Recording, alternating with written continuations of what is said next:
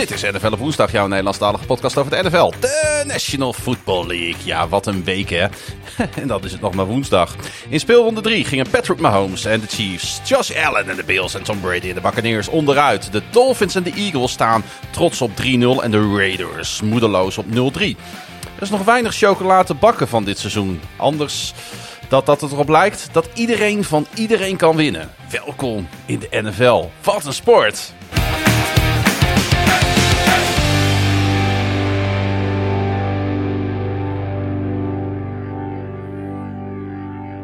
Hoe vaak ik dat wel niet gezegd heb eh, zondagavond in proeflokaal Hooghout... waar we met elkaar NFL zaten te kijken, Frank. Ja, het, het, was weer een avond met vele emoties. Wat een sport. Ik heb zelfs de Ravens op een gegeven moment een middelmatig kutteam genoemd.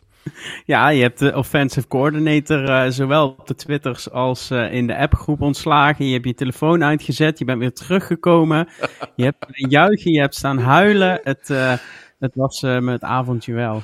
Oh, jongen, het was echt. Uh, ja, het was, de Ravens speelde ook weer zo'n pot waar je heen en weer geslingerd werd tussen allerlei emoties en fantastische plays en slechte plays. En uh, het vooruitzicht op een los, het vooruitzicht op een win. En zo zal het voor de Patriots ook wel een beetje gevoeld hebben. het, was, het was weer. ja, het, het kon weer eens niet normaal. nee, ik wilde precies hetzelfde zeggen. En daar hebben de Ravens de afgelopen twee jaar een absoluut abonnement op, op, op dit soort wedstrijden. Dus ja koester uh, overwinningen zoals die op de Jets, waarbij je de tweede helft gewoon rustig kan uitkijken, want die uh, ja. gaan we ook dit seizoen niet heel veel zien. Ik, wat dat betreft uh, ben ik een beetje jaloers op de Eagles, die na rust steeds gas kunnen terugnemen en rustig de wedstrijd kunnen uitballen. Want dat is niet veel teams uh, gegeven. Nou, nu we het toch over de Ravens hebben. Uh, ik heb wat engagement. Nou, ik, ik moet allereerst excuus, excuses aanbieden aan uh, de mensen die wat ingestuurd hebben via Instagram en Twitter. Want er is zoveel binnengekomen dat ik een selectie heb moeten maken.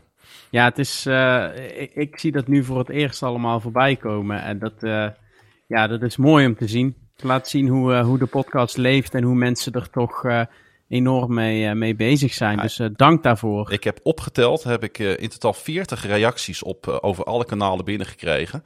Dus die heb ik zoveel mogelijk geprobeerd te verwerken in het script. Anderzijds gaan we ze nu alvast even bespreken. maar niet iedereen zijn vraag of niet iedereen zijn, zijn, zijn, zijn take, die komt er dus voorbij in deze ja. aflevering. en we hebben maar 3,5 uur opnameruimte, zo, vertelde je ja, net. Dus we moeten een beetje opschieten. Zit de harde schijf vol. Nee, nu we het toch over de Ravens hadden, daar zijn natuurlijk ook weer een paar opmerkingen over binnengekomen. Bijvoorbeeld van Patrick, die zegt: Is Lamar in deze vorm MVP-kandidaat? Nou, um, um, wat hij laat zien is on ongelooflijk, hè, Frank? Hij is uh, op dit moment de beste speler in de NFL. Ja. Ja, ja en dan zijn wij, zijn wij volgens velen zeer bevooroordeeld. Maar juist uh, jij en ik kunnen het zeggen, want wij zien let, letterlijk elke snap van Lamar Jackson. Mm -hmm. En ik durf, het is pas week drie, uh, er moeten er nog, nog 14 komen. Um, maar hij speelt nu beter dan dat hij, dan dat hij ooit gedaan heeft. Hij is een, hij is een complete quarterback geworden. Ja. En, um, maar wat jij nu ja. zegt, dat is wel bijzonder. Want dat betekent dus dat jij zegt... Lamar Jackson speelt op dit moment beter dan in zijn MVP-jaar.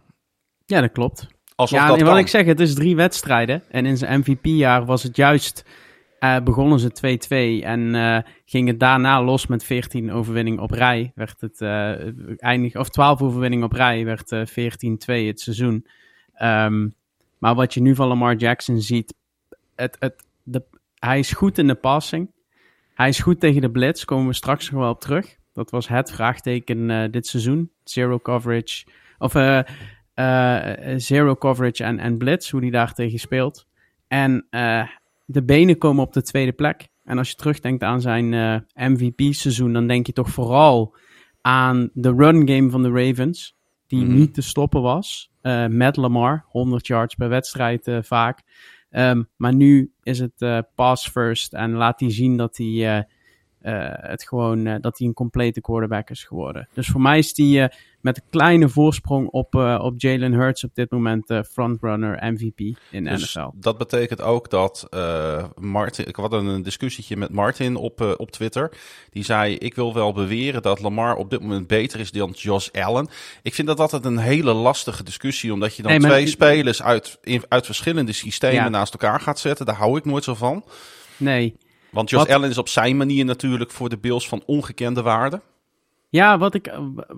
Je kan ze niet vergelijken. Het is drie weken. Maar één ding dat me heel erg opviel bij Josh Allen deze week is het, het, het mentale stuk. Ehm, die, de, de, de, de Dolphins kropen echt bij hem onder de huid en wisten hem tot fouten te dwingen. Hm. Ook die laatste paas van hem in die wedstrijd, waar hij waar die nog een touchdown kan gooien, dat was, dat was drie keer niks. Het leek er ook op alsof hij het even niet meer geloofde dat het zou goedkomen. En ik denk dat het grote verschil tussen die twee op dit moment juist de mentale uh, uh, weerbaarheid van uh, Lamar Jackson is. Zonder ze op een spel te beoordelen. Want hij blijft ontzettend rustig uiterlijk, hè? Ja. Dat is... Ja, maar het hele, hele offseason al. Ook het, het, het, alles het hele circus wat zeg maar om hem heen gecreëerd wordt door de media. Hij heeft gezegd dat het hem niet deert. Nee. En het lijkt hem ook niet, niet te deren. Ook tijdens de wedstrijd. Hij gooit weer zijn typische Lamar Jackson interceptie. Ik zei het ook nog tegen Jurjen Ubach. Ze zaten natuurlijk een beetje berichten uit te wisselen. Ik zeg, och, daar heb je de, de Lamar interceptie weer. Maar hij stort er nou niet in. Er komt weer een drive en er komt weer een touchdown. En ja, hij, hij speelde fantastisch. Dus voor mij uh, Lamar Jackson op dit moment uh, nou, vond ik, uh, MVP. Nou vond ik trouwens ook dat, dat um, Allen niet per se in elkaar stortte. Die heeft ook een geweldige wedstrijd gespeeld. En het blijft nog altijd een wonder als je naar de statistieken kijkt... hoe in vredesnaam de Buffalo Bills die wedstrijd verloren hebben. Maar daarover straks meer. Een, um, een verzoekje kwam er binnen van Wouter Holsapel. Ik loop dus vaak hard met NFL op woensdag in mijn oren. Nou, hartstikke leuk om dat te horen, Wouter. Nu weet ik dat Frank iets anders op heeft tijdens het rennen. Ik hoop niet dat hij op doping doelt.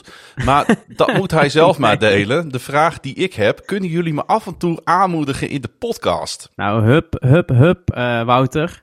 Denk maar alsof, uh, net is alsof ik uh, naast je loop nu in, in Detroit. En dat we even over die verlaten wegen daar uh, samen een sprintje trekken door, uh, door de kou. En jij in je, in je Bears jersey natuurlijk. Ja, door die prachtige Oosterparkwijk in Groningen. Ik zie hem nu, uh, nu zwetend over de Goorrechtkade gaan. Succes, Wouter. We gaan af en toe ga ik proberen aan je te denken in deze podcast. Uh, Bob die vraagt: Is het al te vroeg om uh, Parsons, de beste verdediger van de NFL, te noemen? We hebben het natuurlijk over Parsons van de Dallas Cowboys. Waarop Arjan reageert met: Je schrijft Talanoia Hufanga verkeerd. Nou, ik vind het na drie weken echt ontzettend lastig om, te om het te roepen. Maar Parsons solliciteert natuurlijk wel nadrukkelijk, Frank. Maar uh, seks zeggen bijvoorbeeld niet alles. Er zijn echt een aantal spelers die hele grote impact hebben gehad op hun team. Ik noem een uh, Roquan Smith bij de Bears. Die samen met Jonathan Owens van de Texas na drie weken de league aanvoert in total tackles. Dus zowel solo als assist is dat bij elkaar opgeteld. Um, Alex Highsmith van de Steelers. Goed voor 4,5 seks al. Voor in totaal 34 yards uh, los over drie wedstrijden. Ja, ongelooflijk. Uh, dat is echt, echt een fantastische stat. Marcus Williams van de Ravens, die de league aanvoert met drie interceptions. Ik vind dat ze Darius Smith absoluut als een beest tekeer gaat bij de Vikings dit seizoen. Die Vondre Campbell bij de Packers, fantastisch seizoen. Ja, tuurlijk is Parsons de absolute defensive ster bij de Cowboys, maar hij, ik vind dat hij nog wel wat wedstrijden nodig heeft om zich te onderscheiden. Klopt. En ik denk uh, dat uh, de twee wedstrijden die eraan komen voor hem tegen de Eagles in de divisie een hele mooie graadmeter mm. worden om zich, uh, om zich verder te laten zien. Maar het staat wel vast. Micah Parsons, ook omdat hij voor de Cowboys speelt, als hij dit doortrekt, zit hij zeker bij, bij het selecte groepje spelers die meedingen om Defensive Player of the Year. Maar ook dat hè, na drie weken. Ja, en heel terecht wel hoor. Noemt Arjan natuurlijk een beetje biased. Nou, een beetje heel erg. De naam van Hufanga. Ja, ik vind echt dat hij een, een, een stormachtige ontwikkeling doormaakt. Hij was natuurlijk al heel goed in de playoffs uh, van vorig jaar. Um, En ik denk zelfs dat hij de 49er is die tot nu toe de meeste indruk heeft gemaakt. En hij is echt een, een meer dan waardige vervanger van de nog altijd geblesseerde Jimmy Ward. Maar de volgende Polamalu, waar sommigen hem al mee vergelijken. Nou ja, misschien. Ja, laten we dat, uh, dat hopen voor Hufanga en de, en de 49ers. Ja, mooi. Geweldige speler, geweldige safety. Misschien ook wel iets onder de radar. Uh, ik moet uh, heel eerlijk bekennen, ik, ik heb hem nog weinig zien spelen. Komt omdat ik de Niners ook weinig zie. Dus ik ga de komende weken eens op hem, uh, op hem letten. Hij had natuurlijk die bepalende special teams play hè, voor de 49ers in die wedstrijd tegen de Packers. Dat was hij. Ah, ja, ja, ja. ja. Dat Weet kan je ik nog? me herinneren. Dus hij heeft wat dat betreft de goede lijn doorgetrokken. Ja, ja, ja.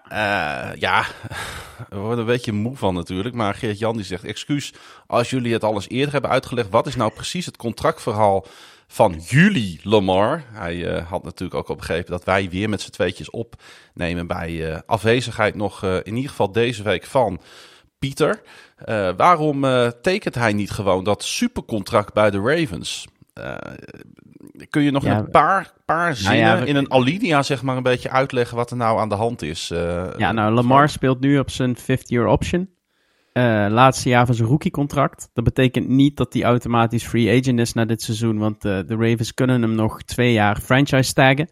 Dan wordt hij wel relatief duur. Maar dan zou hij gewoon bij Baltimore onder contract staan. In het kort, Lamar heeft geen agent. Eh, dat maakt het onderhandelen moeilijk en persoonlijk. Daar hebben we het al vaker eh, over gehad.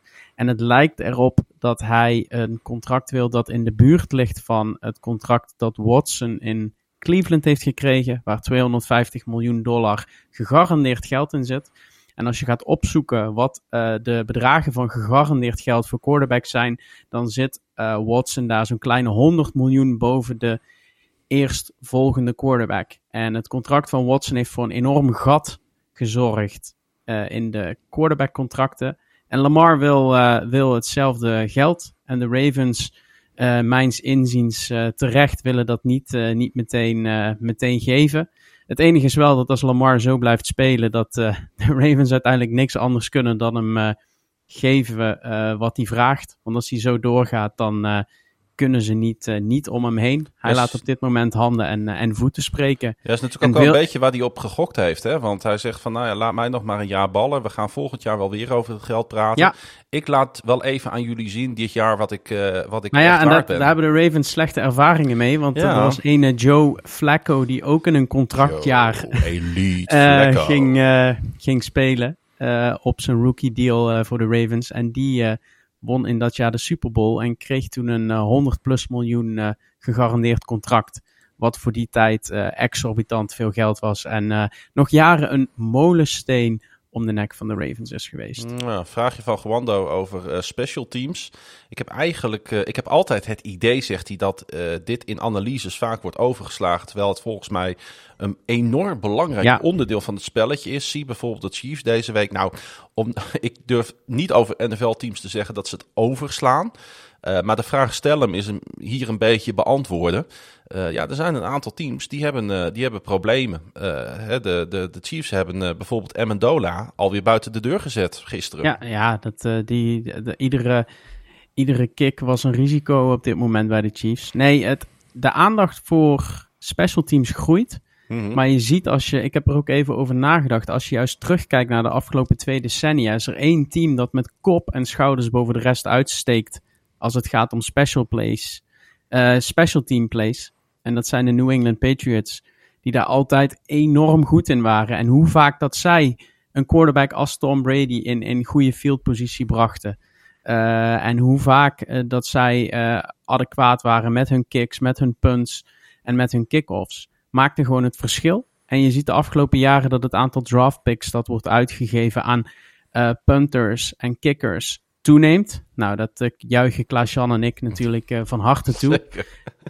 um, maar dat uh, komt ook omdat kickers... Uh, er zijn gewoon jongens in, in, in, in Amerika... die gewoon vanaf hun twaalfde, dertiende gaan oefenen op kicken. En je ziet nu een, een, een 60-yard field goal... of een hoge 50-yard field goal... is in de NFL geen uitzondering meer. En dan is, dan is het antwoord heel simpel. Op het moment dat jij eerder op het veld in field goal range komt, wordt het dus gewoon belangrijker om daar aandacht aan te besteden. En wordt het steeds, uh, steeds groter onderdeel van het spel, omdat een groter deel van het veld gebruikt kan worden voor die plays. Ja. Ja, en als je ook kijkt naar de, bijvoorbeeld de all-time topscorer uh, lijst in de NFL, dan staan daar in die top 10 voornamelijk alleen maar kikkers tussen. Ja, ze gaan natuurlijk lang mee, ook om het gebrek aan, aan, aan physical contact. Uh, dus ja, en, en ze dragen relatief veel punten bij. Iedereen heeft het altijd over, uh, over de wide receivers twee, en, en twee de field goals is een uh, touchdown, hè? Sorry? Twee field goals is een touchdown. Ja, precies. En, en, en, en, en, we hebben ook een aantal keren, ook deze week weer gezien, de points afters gaan er ook niet altijd in. Dus uh, ja, nee. je hoeft het tegen ons twee niet te beginnen over, over special teams, want we hebben er allebei een enorm zwak voor. Ja. De Ravens hebben dit jaar ook in de vijfde ronde, vierde ronde, een, uh, een punter gedraft van Penn State, Stout. Nou, de eerste twee weken was hij fantastisch en je zag al, hij had toch moeite met, uh, met Foxborough in de wind en, en, en het stadion. Dus uh, ja, super mooie positie om eens extra op te letten dit seizoen. Over de Patriots gesproken, die hebben natuurlijk ook een hele aardige kikker op dit moment staan. Die wij zometeen ook wel even de eer gaan geven die die verdient. Hè. Nick Volk, geweldige kikker. Um, en daar komen we zo nog wel even op terug. Uh, voordat mensen denken dat wij alleen maar bias naar onze eigen kikker in Baltimore kijken. Emiel die vraagt. Wie ja, die miste een, uh, een extra point. Ja. Dat doet hij normaal ook niet. Nee. Dus, uh... Volgens mij was de laatste keer dat hij dat deed, was dat in die wedstrijd tegen de Saints drie jaar geleden. Ja, ja, maar dat was in de, in de regen met twee nieuwe scoreborden in het ja. stadion. Waar hij niet mee had kunnen oefenen. Deze kwam ook wel als een verrassing. Maar goed, ja. uh, vraagje van Emiel. Wie blijft het langst ongeslagen? De Dolphins of de Eagles? En Marijn die vraagt, hoe kijken jullie tegen de twee 3-0 teams aan? En hoe verrassend is het dat het deze twee teams zijn? Uh, nou, uh, de Eagles verrassen mij op geen enkele manier dat zij 3-0 staan. Dat had ik eerlijk gezegd wel verwacht. Ik heb de Eagles al in preseason getipt als Super Bowl kandidaat. De Dolphins was ik iets minder enthousiast over, omdat ik echt wou afwachten hoe die Tua heel connectie zou zijn, hoe die arm van Tua zou uitpakken, hoe die defense, die ook zijn zwaktes had vorig jaar, um, uh, zou uitpakken. Maar ik moet toch wel eerlijk zeggen dat uh, ja, de Dolphins mij positief verrast hebben. En uh, helemaal na dit weekend, met natuurlijk een, een, een, ik zou bijna zeggen, een soort van season-defining win, nu al de Bills hebben verslagen. Ja, dit, waanzinnige wedstrijd ook. Komen we straks even op. Um, wie blijft het langst ongeslagen? Ja, ik zeg de Eagles, omdat die gewoon een heel soft schedule hebben. Ja. ja dus ja, de Dolphins gaan deze week al naar Cincinnati. Die hebben het ook weer een klein beetje op de rit. Um, dus dat wordt leuk. Dat wordt leuk om te zien hoe, uh, hoe dat. ik denk wel dat ze daar nog steeds favoriet zijn. Um, maar ook een aantal mensen die de Dolphins nu op één in de power rankings hebben. Ja, dat kan ik nog niet helemaal volgen. Juist ah. om de reden waar. Nee, juist de reden waarom ze de manier waarop ze wonnen van, van, de, van de Bills was natuurlijk geweldig om te zien. Maar uh, van de 100 keer winnen de Bills die wedstrijd uh, minstens 90 keer. Ja. Uh, dus ja, ik, ehm, ik had ze ook gecallt overigens, de Dolphins. Dus dat, dat is goed voor Pieter. Maar ik denk dat, dat de Eagles langer ongeslagen blijven. Ja, daar komt nog wat bij natuurlijk. De, de, als je kijkt nu hoeveel yards de Dolphins hebben weggegeven in de eerste drie wedstrijden, dan, ga, dan gaat dat natuurlijk een keer pijn doen. Dat, dat hou je Klopt. niet. Je houdt het niet vol. Net zoals de Ravens natuurlijk uh, in week 2 tegen dezezelfde Dolphins te veel weggaven. En dan kun je nog zoveel punten scoren. Maar dan ga je natuurlijk een keer een team treffen wat er overheen gaat. Ja, en daarom staan ze voor mij ook absoluut niet op één in de, in de power rankings. Nee.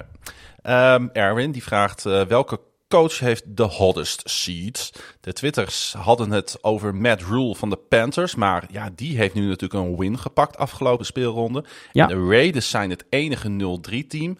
Ja, ik ben eens een beetje gaan nadenken toen deze vraag net binnenkwam. Um, ja, er zijn gewoon natuurlijk een aantal teams waar het niet, uh, niet zo goed gaat. Ik vind Dennis Allen bij de Saints valt mij heel erg tegen op dit moment. Uh, ik denk dat Pete Carroll nog altijd een groot probleem heeft bij de Seahawks. Het zit daar niet helemaal lekker binnen die organisatie met alles wat er afgelopen uh, offseason gebeurd is. Ron Rivera heeft natuurlijk een dramatische wedstrijd achter de rug bij de Commanders, waar nu alweer alle energie weggevloeid lijkt te zijn. Maar ik maak me eerlijk gezegd ook wel een beetje zorgen. Ik wist niet dat ik het zou zeggen na drie weken over Brandon Staley en de Chargers. Ja, nou ja, dat, dat, die komt dadelijk ook nog in een, uh, in een andere vraag terug.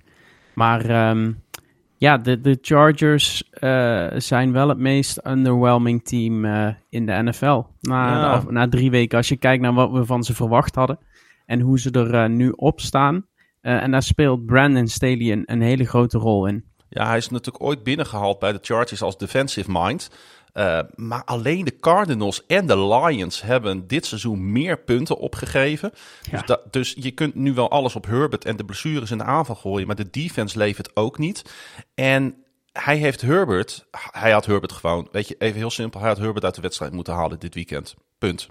Wat Herbert zelf ook heeft gezegd tegen hem. En ik vind dat hiermee Staley op, ja, op dit moment zijn eigen failliet aan het tekenen is. Um, ik heb daar moeite mee uh, uh, dat hij zijn quarterback niet in bescherming neemt. Nou ja, dat was wat ik. Er komt dadelijk ook een vraag van. Uh, van volgens mij was het van Niels. Wat vinden jullie de grootste verrassing tot nu toe? Nou, die zal ik even voor me houden. Maar de grootste negatieve verrassing voor mij is dus ook echt Brandon Staley. Ja. Omdat die. ergens hebben die. Als ik naar die Chargers kijk en, en, en de hele hype eromheen. Heeft iedereen het gevoel dat het nu al do or die is en dat dit nu al het, het Super Bowl season moet zijn. En dan kijk je dat, um, dat zij op de offensive line missen ze Corey Linsley. Ja. Uh, Rashawn Slater is out for the for year. The dan, mis je, ja. dan mis, je gewoon, mis je gewoon je twee beste uh, offensive linemen. En dan zie je dat eigenlijk in een wedstrijd die al verloren is tegen de Chiefs, dat, dat Herbert daar een rib breekt, of, of in ieder geval fractures heeft in, in zijn rib. En dan ga je hem terugsturen omdat hij dat eigenlijk zelf wil. En dat het allemaal heel stoer overkomt. Maar als jij Brandon Staley bent en je hebt een plan van drie, vier, vijf jaar met de Chargers in een loaded AFC. Ja, dan, dat is precies wat jij zegt. Dan moet je die niet laten spelen. En dan zie je dat het op een gegeven moment 31-10 staat tegen de Jacksonville Jaguars. En dan komt nog steeds Herbert dat veld op. Ja, uh, dan, dan heb je niet voor ogen waar je naartoe wil gaan met de Chargers. Misschien niet dit jaar, door blessures. Mm. Kijk naar de Ravens vorig jaar. Kijk naar de 49ers. Als, de blessures, als er te veel blessures zijn, kun je gewoon niet winnen in de NFL. Daarvoor liggen de teams te dicht bij elkaar. En Brandon Staley maakt nu um, fouten die een coach met een lange termijnvisie eigenlijk niet, uh, niet zou mogen maken. Dus ja, hij uh, heeft echt wel iets, uh, iets te laten zien de komende weken. Niet alleen in wins en losses, maar vooral in het vooruitdenken met het roster. Nou, misschien niet dit jaar, maar na het jaar hierna of het jaar daarna. Ik had het niet beter kunnen verwoorden. Maar toch, de coach die voor mij het meest op de hot seat zit op dit moment is uh, Cliff Kingsbury. Uh, ja, uh, het zou natuurlijk met Rule moeten zijn, maar die heeft een te dik contract. Hè, die zit te dik in de Panthers-organisatie, denk ja. ik, om nu weggestuurd te worden. Kingsbury is hè, de coach van de Arizona Cardinals 3-7 in zijn laatste 10 wedstrijden. Staat op een losing record, 25-26-1. En dan bij uh, Texas Tech ook al afscheid met een losing record, 35-40. En ja, kunt... waarin hij in, in die 35 wedstrijden had hij, of in die 75 wedstrijden had hij dus um, Mahomes als quarterback. Hè? Ja, en ik weet wel dat hij tegen andere grote Big 12 uh, teams speelde, die ook op dat moment heel Iowa goed State. waren. Iowa State. maar, ik ben ooit bij een overwinning van Iowa State op Texas Tech geweest. Dat kan ik me tot op de dag van vandaag herinneren. Dat was een groot feest. Dus eigenlijk heb jij een klein aandeel gehad in het losing record van, uh, van uh, Cliff Kingsbury. Ja, volgens mij was hij toen nog niet, uh, nog niet de head coach. Okay. Maar hij zal misschien wel bij de staf gezeten hebben, dat weet ik niet. je kan natuurlijk van alles verzinnen hè, als, als het gaat om, om zo'n coach en, en het record. Maar op een gegeven moment, Frank, komt het punt dat het ja, nee, wat vertelt is, over de coach. Uh, het is, uh, het is um, redelijk siloos. Ook deze week, ze kunnen geen drives afmaken. En dan scoren de Rams op hun eerste drie drives. Wordt het, uh, staat volgens mij 17-0 en dan 17-3, 17-6. En dan, ja, ze maken die drives niet af. Ze maken nee. field goals. Maar je hebt geen enkel moment het gevoel dat... Uh, dat ze die wedstrijd gaan draaien. En het enige wat ze hebben gedaan is een krankzinnig einde eh, tegen de Raiders, de 0-3 Raiders, uh, laten zien. Maar verder is het uh, ja, best uh, erbarmelijk wat er in Arizona gebeurt. Dus ik ben het met je eens. Kingsbury staat bij mij ook op, met stip op 1 als ja. het gaat om de hot seat. Dan een vraag van Frank, een andere Frank. je hebt niet zelf gelukkig nog een vraag ingestuurd, anders zou ik je wat aangedaan hebben. Welk team presteert het ik verst? mezelf ook. Welk team presteert het verst onder jullie verwachtingen en gaan ze dat nog herstellen? Nou, dat, dat zijn dus niet de Cardinals, want daar had ik al hele lage verwachtingen van. Klopt. Ik ook. Misschien dat een team waar ik wat meer van had verwacht, dat dat wel de Pittsburgh Steelers zijn. Die uh, na week 1 toch wel ver zijn weggevallen, vind ik, in niveau. Uh, uh, het luck quiz gaan we weer, hè? Ja, daar gaan we weer. De, de, de, de gospel singer. Nee, dat was een grapje. De, het lukt Mike, Mike Tomlin uh, niet. Chris Tomlin. als, als, jullie een keer, uh, ik kan wel eens een keer een, uh, ik kan wel een keer wat laten horen van Chris ja, Tomlin. Lijkt me, lijkt ja, me goed. Kunnen we bij de, bij de Steelers dan als intro muziek ja. gebruiken? Nee, Mike Tomlin, het lukt hem op dit moment niet om, om zeg maar de swoon in die aanval te krijgen. Terwijl ik wel vind dat daar skill position players rondlopen waarmee dat zou kunnen. Uh, en misschien hebben ze dan toch uh, uh, Truby wat, wat overschat. En schijnbaar hun rookie quarterback wat overschat. Anders had hij er al wel in gestaan. Ja, maar er zijn heel weinig rookie quarterbacks die hun eerste jaar het meteen, meteen laten zien. het, het siert de Steelers wel dat ze nu niet in paniek raken. Nee, dat gaat Tomlin niet doen. Um, dus maar, ja, maar ik, ben je met je eens dat ze toch wel wat onder onze verwachting spelen? Of had, had jij ja, nou, niet zo door de defense die, die nu, die nu uh, TJ Watt mist. Ja. Um, dus ja, ik, als ik, ik heb nu zondag ook de Patriots gezien. Uh, en dat de Steelers daar ook helemaal niks tegen klaarspelen, baart me op zich ook wel weer uh, zorgen. Um, maar er is één team met kop en schouders wat, wat, deze, wat het antwoord op deze vraag is. We hebben net al gezegd, dat zijn voor mij de, de LA Chargers. Absoluut, ja. Welke spelen vinden jullie de grootste verrassing tot nu toe? We zijn bijna door de, dit blokje engagement heen. Uh, zal ik beginnen? Ja. Ik kwam uit op Drake London. Ja, je hebt, dezelfde, je hebt dezelfde als ik, ja. Dat, Had jij uh, serieus? Ik had hem ook in, in oh. gedachten. Ja, oh, ik ben echt, uh, echt fan. Die touchdown deze week van Drake ja. London, waar hij die spin move maakt. Ja, precies. Om die uh, verdediger van uh, Seattle, even terugkijken. Die, ah joh, een heerlijke speler. Ook een goede naam, Drake London. Ja. Hij, hij, zou zo, hij zou zo een rapper kunnen zijn. Um, maar ja, heel vet. Echt, echt een hele goede, goede speler.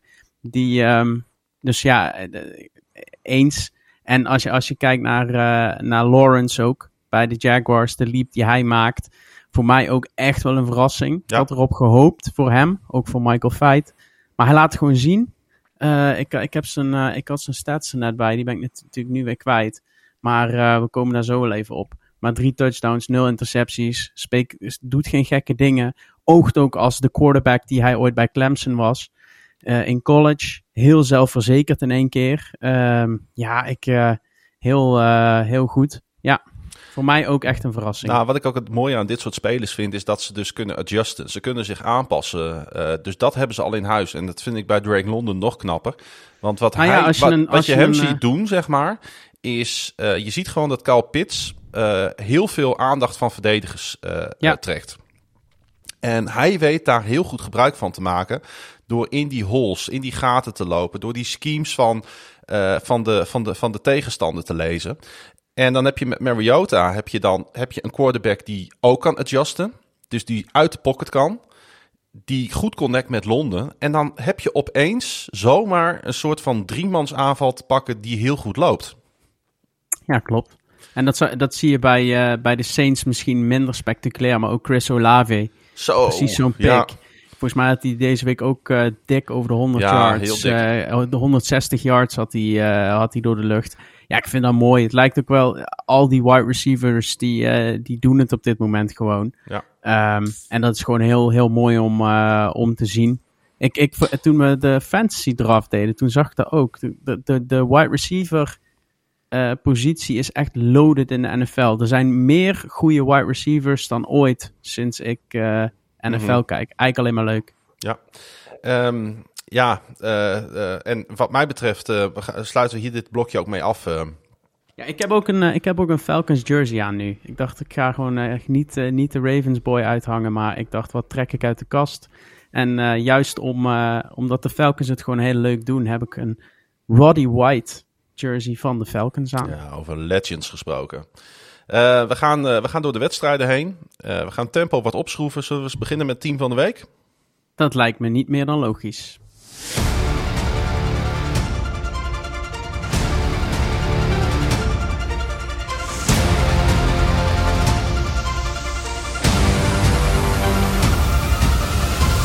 De Indianapolis Colts.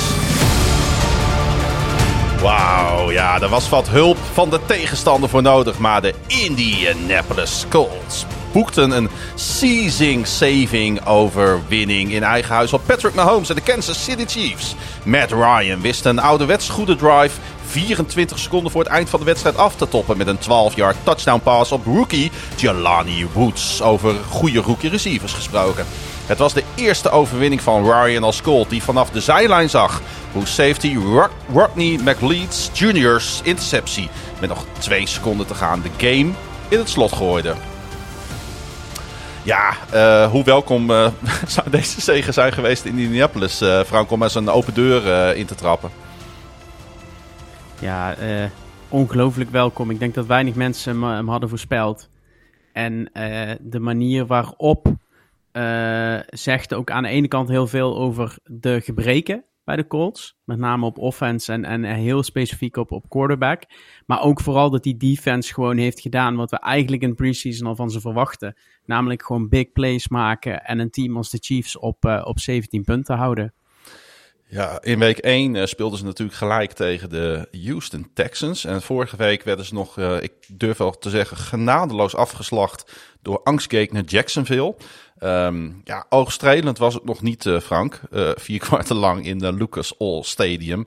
Maar ik heb eindelijk eens gezien dat dit team op bepaalde momenten opstond. Een defense die in de tweede helft maar één field goal toegestaan heeft. Um, uh, uh, turnover uh, geforceerd. Een offense die gebruik maakt van de fouten van de tegenstander. Dit is toch een beetje hoe de Colts zich door het seizoen heen moeten gaan bewegen. Hè? Ja, weet je waar dit maar deed denken? Aan de Pittsburgh Steelers. Hmm, ja. Dat de, hoe de Colts deze wedstrijd wonnen met hun defense en, en, en hoe ze ook met Big Ben vaak nog wedstrijden wonnen daar deed het me zo aan denken. Precies wat jij zegt. En Matt, Matt Bryan deed natuurlijk ook wat hij wat moest doen. Uh, met 222 yards, één touchdown, geen interceptie. Uh, nou, wel weer uh, twee, twee fumbles. Dat moet hij echt gaan oplossen. Ja. Um, maar ja, hij, hij, hij deed goed. En wie maakte nou die twee touchdowns ook weer? Dat was die tight end, toch? Ja, nee, Woods. Is het tight end, toch? Nee. Ja, maar, oh nee, is dat bij wide receiver. Jelani ja, Woods. Woods maakte, Woods maakte de twee, de twee touchdowns. En ja, ik, uh, ik was er eigenlijk wel, uh, wel verbaasd over. maar hier zie je, en daar had Guando het net in die vraag over, hoe belangrijk special teams is. Je zag meteen dat um, in het begin van de wedstrijd dat, dat de Colts een, een um, een interceptie maken, of een interceptie maken, een, een fumble ja. recoveren op een, ja. op een punt. En komen eigenlijk gewoon op de 1 of 2 yard line terecht en kunnen makkelijk 7-0 maken. En dan speel je die wedstrijd. Dat is net dat steuntje in de rug wat zo'n team dan nodig heeft om, uh, ja, om, om verder, verder te komen. Ja, absoluut. Uh, wat jij zei over Ryan, dat klopt wel. Hij fumblede dit seizoen al zeven keer. Poh, ja, ongekend. Dat is echt ongekend hoog. En al twaalf keer werd hij op de grond gegooid voor een sack. Uh, dus dat, dat, dat is natuurlijk wel problematisch. En uh, ja, wat we natuurlijk dit seizoen ook een beetje zien, is dat teams Jonathan Taylor een beetje in het gereel aan het houden zijn. Hè? Want die Chiefs run defense, die stond maar 71 yards van hem toe na 22 carries. Nou, dat zijn natuurlijk niet de cijfers die, die we van Taylor verwachten en waar de Colts op hopen. Nee, en dat komt niet alleen door Taylor, maar ook de hele offensive line is niet, niet wat die vorig jaar was. Um, dus ja, zeker uh, één zwaluw maakt nog geen, nog geen zomer voor deze, deze Titans. Maar um, ja, het, het, was, uh, het was voor een keer, voor een keer genoeg. Ja. Uh, de Chiefs hielpen de Colts ook. Want uh, niet alle credits uh, moeten wat dat betreft naar Indy. Maar de Chiefs hebben ja, gewoon onkarakteristieke fouten gemaakt. Zo was er een onsportsmanlike conduct call tegen defensive tackle Chris Jones. Die na een third down sack, dus dan maak je een big play die de laatste drive van Indianapolis verlengde met op dat moment minder dan vijf minuten op de klok. Uh, hij kreeg dus een flag tegen Op dat moment was het onduidelijk waarvoor die scheidsrechter, Sean Smith was het volgens mij, de vlag gooide. Maar na de wedstrijd verklaarde die scheidsrechter dat het voor grof taalgebruik was. Ja, En klopt. dan is dat wel een hele dure penalty, hè? Dat een, een, een third down sack in het vierde kwart op die manier van het bord eh, gewist wordt. Ja, klopt. Ik moest het ook teruglezen. Ik zat die wedstrijd terug te kijken en in één keer eh, hadden ze die, die gain gepakt. Terwijl ik dacht dat, het, dat, eh, dat, die, dat die play helemaal niet lukte. Ja, dus game defining. Ja, Want ja, het, het is die laatste drive waar, ehm, waar ze op eh 4 en 1 een, een, een, een hele goede run doen met Taylor. Waar ehm, Matt Ryan acht keer een, een paas laat aankomen en dan deze unsportsmanlike conduct. ja. Ja, en een hele goede, goede touchdown throw. Ja, en dan zie je dat de Chiefs defense gaat de Chiefs het dit, dit, in dit soort wedstrijden er ook net niet eh, doorheen helpen. En dan doet de special teams dat, eh, dat al zeker niet. Want Nou ja. juist door het gebrek van een goede kicker eh, moesten zij met Matt Amendola spelen. Nou, je zei net al, die is inmiddels ook alweer eh, verleden tijd in, in Kansas City. Ja. Maar daardoor zag je, en dat is precies wat ik net zei, hoe groter het gedeelte van het veld is waarop je hem een kick kan laten maken, hoe minder je als offense hoeft te doen. En je zag dat, eh, dat ze er op fourth down voor moesten gaan binnen de 40-yard line, omdat ze gewoon simpelweg niet zeker waren van, van hun kicker. Nou, en dan gingen gaat het op een gegeven moment gewoon mis. Ze gingen voor een field, fake field goal. Die jammer Oh ja, ook die nog, mislukte. ja. Wat Ja, natuurlijk... laat dan maar Holmes gooien. Ja, ik bedoel, het ja. zo raar. eh, maar misschien is, dat, is het niet...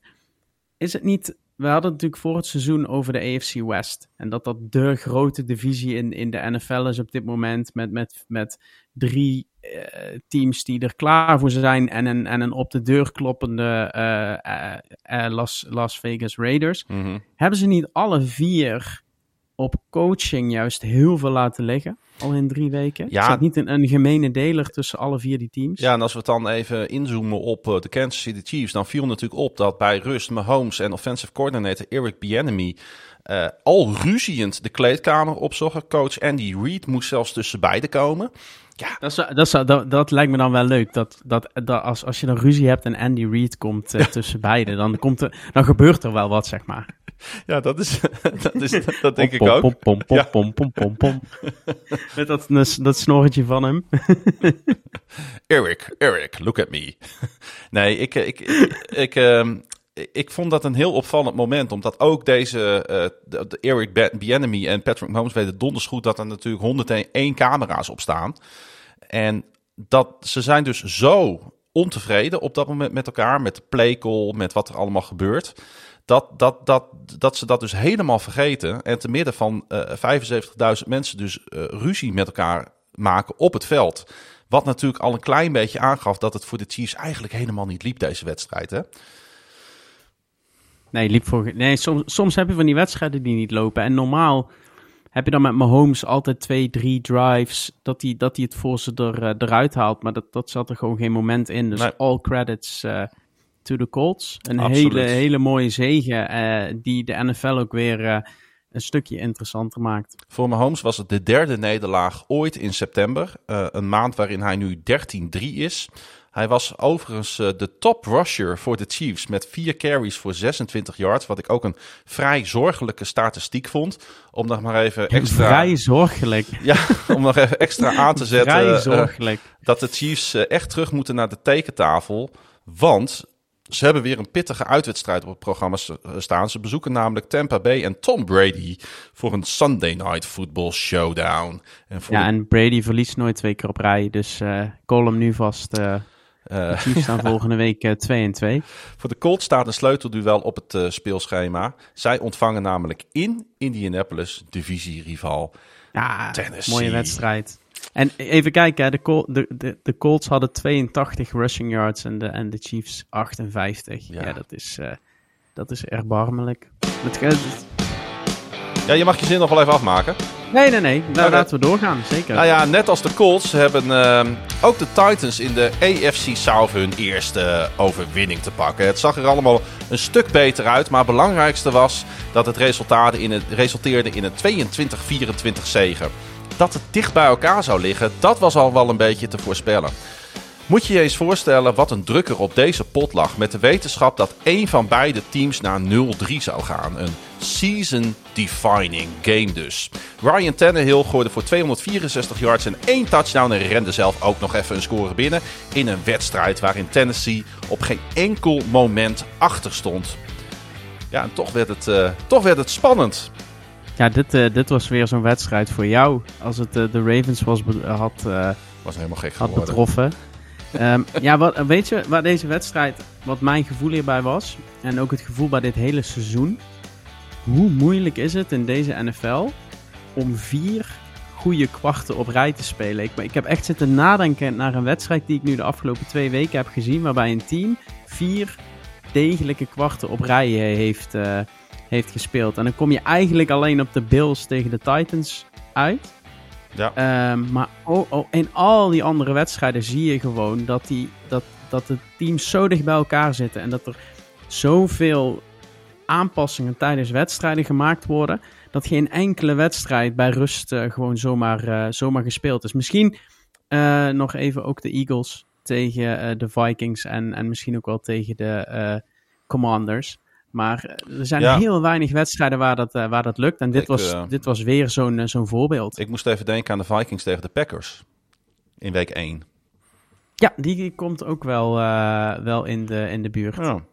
Um, ja, wat is nou, denk ik, ja, hoe, hoe kunnen ze in, in Nashville bij de Titans weer die winnende formule vinden? Ik denk dat dat toch aankomt op Derrick Henry aan de praat krijgen. Hij was dit weekend goed voor 85 rushing yards één touchdown en ook erg belangrijk 58 receiving yards. Ja. Dus uh, uh, als hij weer die double threat ook gaat zijn, dan is hij natuurlijk unstoppable. En Precies. daarmee uh, zou dit een turnaround kunnen zijn hè, voor een team waar toch heel veel mensen weer hoge verwachtingen van hebben. En dat mag natuurlijk ook, hè, wanneer je 12-5 eindigt, de number one seed in de AFC bent en al zes op één volgende winning seasons draait. Ja, precies. En met die, met die met die rushing yards van Henry zag je ook meteen dat er uh, dat Tannehill juist weer meer play-action kon gaan doen. Dus kijken, alsof het een run is en dan alsnog gaan voor de paas. Uh, dat deed hij nu 50% van zijn plays uh, in plaats van 35% in week 1 en 2. En dat is, ja. dat is misschien nog eigenlijk wel... Heel veel mensen zeggen altijd, ja, als, als de Titans kunnen rennen, dan winnen ze. Maar als de Titans kunnen rennen en Tannehill kan vanuit de play-action spelen dan heb je echt een winning, uh, winning team. Uh, maar ook daar zag je dat het de tweede helft eigenlijk weer compleet, uh, compleet stil viel. Dus ja, zijn de Titans nu over de hamp? Ik, ik, ik moet het nog zien. Dan de Raiders, um, die bezig zijn met hun slechtste start sinds 2018. Vorige week verspeelden ze nog op een voorsprong van 20 punten tegen de Cardinals... om vervolgens in overtime te verliezen. Veel over gehad over die wedstrijd. afgelopen zondag hadden ze zelf de kans op een comeback, maar dat lukte niet. Uh, hè, zoals uh, coach Josh McDaniels het zelf verwoordde. En het is net alsof hij net naar jou geluisterd heeft. Het lukte de Raiders niet om een full 60-minute game te spelen. En dat zijn was, ze niet uh, het enige team in. Nee, maar goed, hij kijkt natuurlijk vooral naar zijn eigen team. En daar heeft hij helemaal gelijk aan.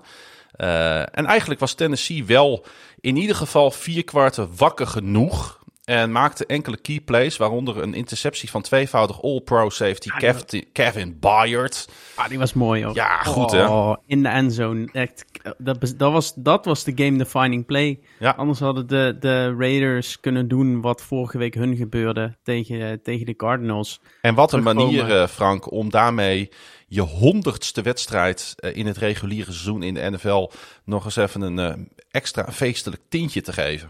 Ja, we hadden het uh, vorige week over het uh, gebrek uh, in de secondary van de, van de Titans. Maar dit is zo'n speler ja, die, dan, die dan uiteindelijk... En we hebben dadelijk nog een paar verdedigende spelers in de, in, in de podcast die we kunnen benoemen. Maar dit ja. was er eentje. Deze play beslist uiteindelijk die, die wedstrijd. En haalt de Titans van de hatelijke nul af. Ja, um, ik denk dat de Titans, dat voor de Titans het succes uh, ook ligt in het betrekken van hun, uh, uh, ja, van hun sterspelers zeg maar, bij dit spelletje. Of zoals Vrabel het noemt, bread and butter offense spelen. daarmee scoorden de Titans namelijk touchdowns in hun eerste drie drives van tenminste 75 yards. En dat was voor het eerst sinds 2000. Dus als je het hebt over hoe moeilijk het is om in een wedstrijd die je eerste drie drives winnend af te sluiten. Met een, dus winnend af te sluiten, ik bedoel dus met een score af te sluiten. Nou ja, Ja. kijk eens naar deze statistiek. Het is dus de Titans 22 jaar niet gelukt om dat te doen. Ja, oh, ja het, het zegt alles. Daar, daar kan ik niks aan toevoegen.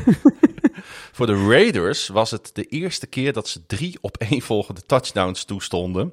Sinds de 44-7 nederlaag tegen de New York Giants op 11 oktober 2009. Dus, ook, Zo. dus dit geeft aan de ene kant geeft dit weer hoe knap het is eh, van de Titans om drie van zulke sterke drives gelijk neer te zetten in een wedstrijd. En aan de andere kant geeft het ook weer hoe, eh, hoe, ja, hoe, hoe, hoe, hoe, hoe, eh, dat dat niet vaak voorkomt. En dat ook verdedigingen het dus vaak wel lukt om zich in een wedstrijd vast te bijten. En op een gegeven moment toch een stop te forceren. Ja, eh, mooi. Mooie, mooie stats en, eh, en, en geweldig eh, gedaan. Weet je trouwens hoe die Mac Hollins Ja, bij de Raiders terecht is gekomen? Hij was de man die in die krankzinnige wedstrijd tussen eh, de Raiders en, en, eh, en Dolphins, vlak voor kerst was dat toen, eh, die pass ving om, eh, voor Fat, voor, eh, van Fitzpatrick om die game-winning field goal binnen te kicken. Die zo Mhm. nadelig was voor de, voor de Ravens, Ja. waar wij toen helemaal gek van werden. Die wedstrijd hadden de Raiders al tien keer moeten winnen toen. Maar daar heeft hij zich bij, bij de Raiders in het, in het vizier gespeeld. En is hij uiteindelijk dus nadat hij bij de Dolphins wel ooit gekozen is tot captain. Eh, voted by his teammates. Dus het is echt een teamplayer. Als, als, als redelijk onbekende speler gekozen worden tot captain, dat, dat gebeurt niet altijd.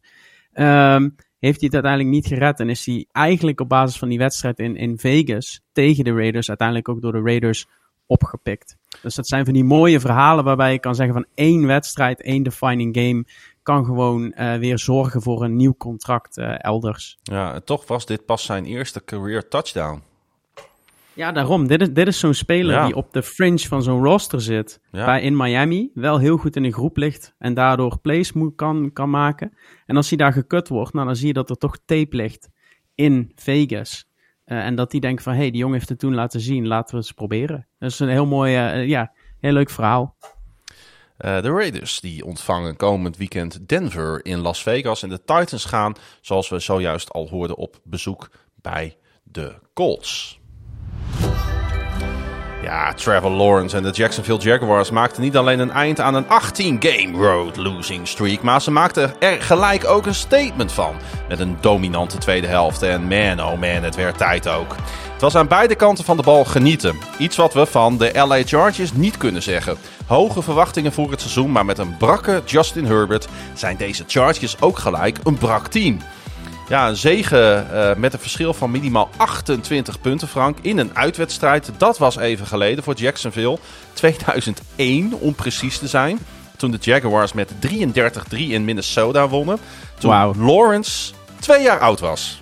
Toen eh, in 2001 eh, kwam Minnesota van een NFC Championship game in 2000. Dus er is ook nog een overwinning op een toen tijd best goed, goed team.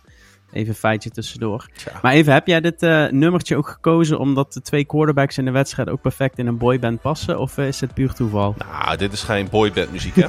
nou, een beetje Avicii-vibe. eh, Ja, oké dan. beetje, Lekker, beetje, beetje Miami Beach. Ja, ja, nee, LA Beach, Venice Beach. Venice Beach is dat, ja. En even, hoe, er was een brakke Justin Herbert. En de Chargers waren ook een brak team. Maar hoe brak was jij toen je deze wedstrijd keek? Of viel het mee? Eh, want, eh, dit was, dit was een, eh, een late window, hè? Die heb ik niet helemaal Ja. gezien. Want toen stond ik al in de kroeg. toen stond ik al in de shooters. ja, het is, dat, het- is dat het feest zeg maar dicht is op zondagavond. Dus dan ben je veroordeeld tot de shooters. En de Warhol is ook dicht. Nee, ik ben, ik ben de overwinning van de Ravens ben ik, ben ik gaan vieren. Ik ben het stadje ingegaan. Daar komt het gewoon eigenlijk op neer. Ja, mooi. Ja, nee, ik heb, eh, ik heb dit moeten terugkijken. Ik heb alleen de eerste helft, denk ik, gezien van deze wedstrijd. Eh, maar daarin heb ik gezien, en natuurlijk ook bij het terugkijken, dat er natuurlijk een aantal dingen wel kloppen hè, op dit moment in Jacksonville. James Robinson rende voor 100 yards, inclusief die prachtige 50-yard touchdown in het derde kwart, wat direct ook de genadeklap in deze wedstrijd was. Ja, en er volgden nog twee scoring drives eh, van Lawrence en consorten. En daarom, Frank, heb jij ervoor gekozen om Ja, om uh, hier uh, ook meteen uh, de biertopper van de week is geworden door jou uitgekozen. Ik heb er zelf ook nog eentje, later in de uitzending. Maar Trevor Lawrence. Ja, precies. Hij is de biertopper van de week, week, week, week. Pa, pa, pa, pa. Ja, en hij was er natuurlijk ja, voor een groot deel verantwoordelijk dat dit de vierde zege was van Jacksonville in uh, de Pacific Time Zone. In 19 tripjes naar de westkust. Um, en er klopt wel meer bij de, bij de, bij de Jacksonville Jaguars. Want uh, eigenlijk is hij een soort van reserve biertopper. Maar Riley Patterson. Vind ik mooi. van, ja, de, mooi. van acht field goals dit jaar trapte hij er zeven raak. Want hoeveel problemen hebben ze in Jacksonville niet uh, met kickers gehad? En hij was afgelopen zondag 3 uit 3. En zorgde er mede voor dat de Jaguars voor het eerst sinds week 2 in 2020 de 30 punten marker weer eens bereikten. Ja, het was een complete wedstrijd. Lekker hè? Offense, defense en special teams. Ja, het was uh, de eerste keer sinds december 2000 dat Jacksonville twee op één volgende wedstrijden won met tenminste 20 punten. En dat geeft ook wel weer aan hè, hoe lang en hoe, on, hoe lang het ontzettend matig was in Jacksonville. Ja, maar daar hebben we het ook al, al lang genoeg, uh, genoeg over gehad. Nee, maar ik merk nu, nu dit soort uh, statistieken dus zeg maar gebroken worden. Uh, dat moet ook de burger in Jacksonville en de serveersters al daar een beetje moed geven. Ja, en je had wel, einde van jullie seizoen 1 speelden de Jacksonville Jaguars ook best competitief mm -hmm. voetbal. Ook met Robinson als running back. Uh, gingen ze wel voor de eerste pick. Dat werd Trevor Lawrence. Maar je ziet gewoon dat dit team heeft gewoon een jaar verloren. Met ja. een verschrikkelijke coach. ik had het met Michael Feiter ook heel even over. We hadden even wat berichtjes uitgewisseld. En ja, in plaats van je kikker schoppen, kan je beter gewoon vertrouwen geven aan je quarterback. Uh, en dat zie je gewoon. Ja, een, en je een, heel andere. En, ja, aan je kikker. Maar met, wat Doug Peterson hier doet, is eigenlijk precies hetzelfde wat hij in, in Philadelphia heeft gedaan. Mm -hmm. Namelijk gewoon het team neerzetten in, in hun kracht. En dan zie je in één keer dat zo'n James Robinson gewoon weer. Vorig jaar was hij nergens. Dat hij gewoon weer terugkomt. Travis Etienne, 13 carries voor 45 yards. Ja. Begint er ook aan te komen kan een mooie one-two punch worden. Maar Trevor Lawrence, ja, 28 voor 39, 262 yards, 3 touchdowns en 0 intercepties. Ja, als ik de naam van de quarterback voor de wedstrijd niet had gezien, had ik er denk ik eerder uh, Herbert neergezet. Maar het, uh, het is toch onze, onze biertopper, uh, biertopper van de week, omdat hij het gewoon, omdat hij het gewoon verdient. En omdat Ja. hij gewoon echt heel goed staat te spelen op dit moment. Ja, nou valt zijn naam weer. Lang was het onzeker, maar uiteindelijk startte Herbert gewoon voor de Chargers. Hij was in de week voor, voorafgaand aan de wedstrijd questionable met een ribblessure. De derdejaars quarterback paste uiteindelijk, uh, paaste uiteindelijk moet ik natuurlijk zeggen, voor uh, 297 yards. Maar kreeg ook twee turnovers op zijn naam. Eindigde Ja, met hele lelijk ook. ja, Oh. het was niet om aan te gluren Nee. Eindigde met 25 uit 45 en één touchdown. Eh, ja, eh, het is, als, als teams verliezen, dan ga je altijd kijken naar wie er niet waren. Nou ja, jij zei het al terecht eh, in het begin van deze uitzending. Ze speelden zonder Corey Linsley, de center, die ontzettend belangrijk is op die interior line. Receiver Keenan Allen en quarterback JC Jackson. En tot overmaat van ramp vielen tijdens de wedstrijd linebacker Joey Boza en dus offensive tackle Rashawn Slater uit. En Slater is inderdaad out voor de season.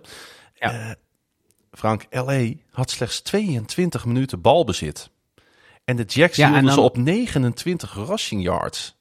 Ja, ja ongekend. En dan zie je dus 45 eh, throws voor, eh, voor LA tegen eh, 39 voor Jacksonville. Ja, dan zie je dat Jacksonville die, die, die wedstrijd gewoon volledig in handen had. En ja, je noemt, eh, je noemt ze op, hè. Lindsley, Allen, Jackson, Bosa en Slater. Volgens mij alle vijf pro bowlers Mhm. eh, het afgelopen jaar.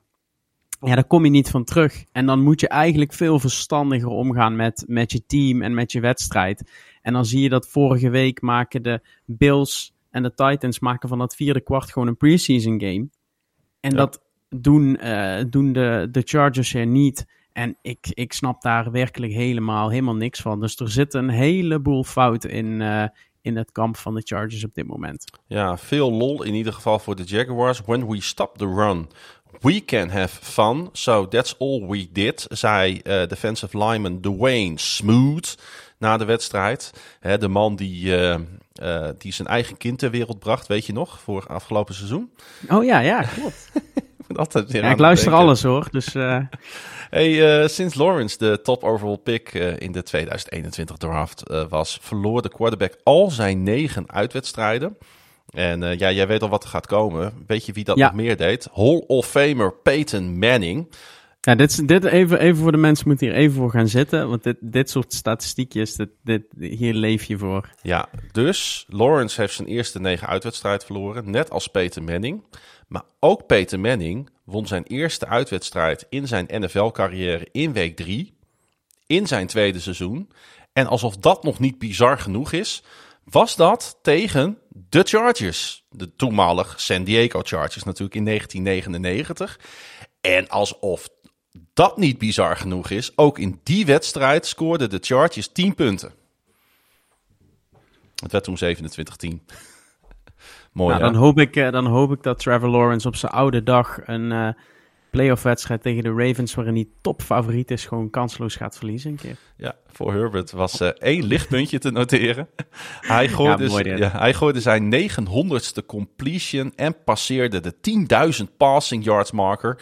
Nog nooit bereikte een speler in de NFL de completion milestone zo snel. Dus het, het blijft, ondanks dat wij op dit moment, eh, nou ja, eh, toch wel, eh, denk terechte kritiek hebben op de Chargers en met name hoe die gecoacht worden, blijft dit natuurlijk een generational talent, hè? Ja, absoluut. Ja, wat, fitte Herbert is gewoon een top quarterback. Na de wedstrijd werd bekend dat wide receiver Jalen Guiton, Guiton, Guiton, ik heb geen idee hoe je het precies uitspreekt, zijn ACL heeft afgescheurd.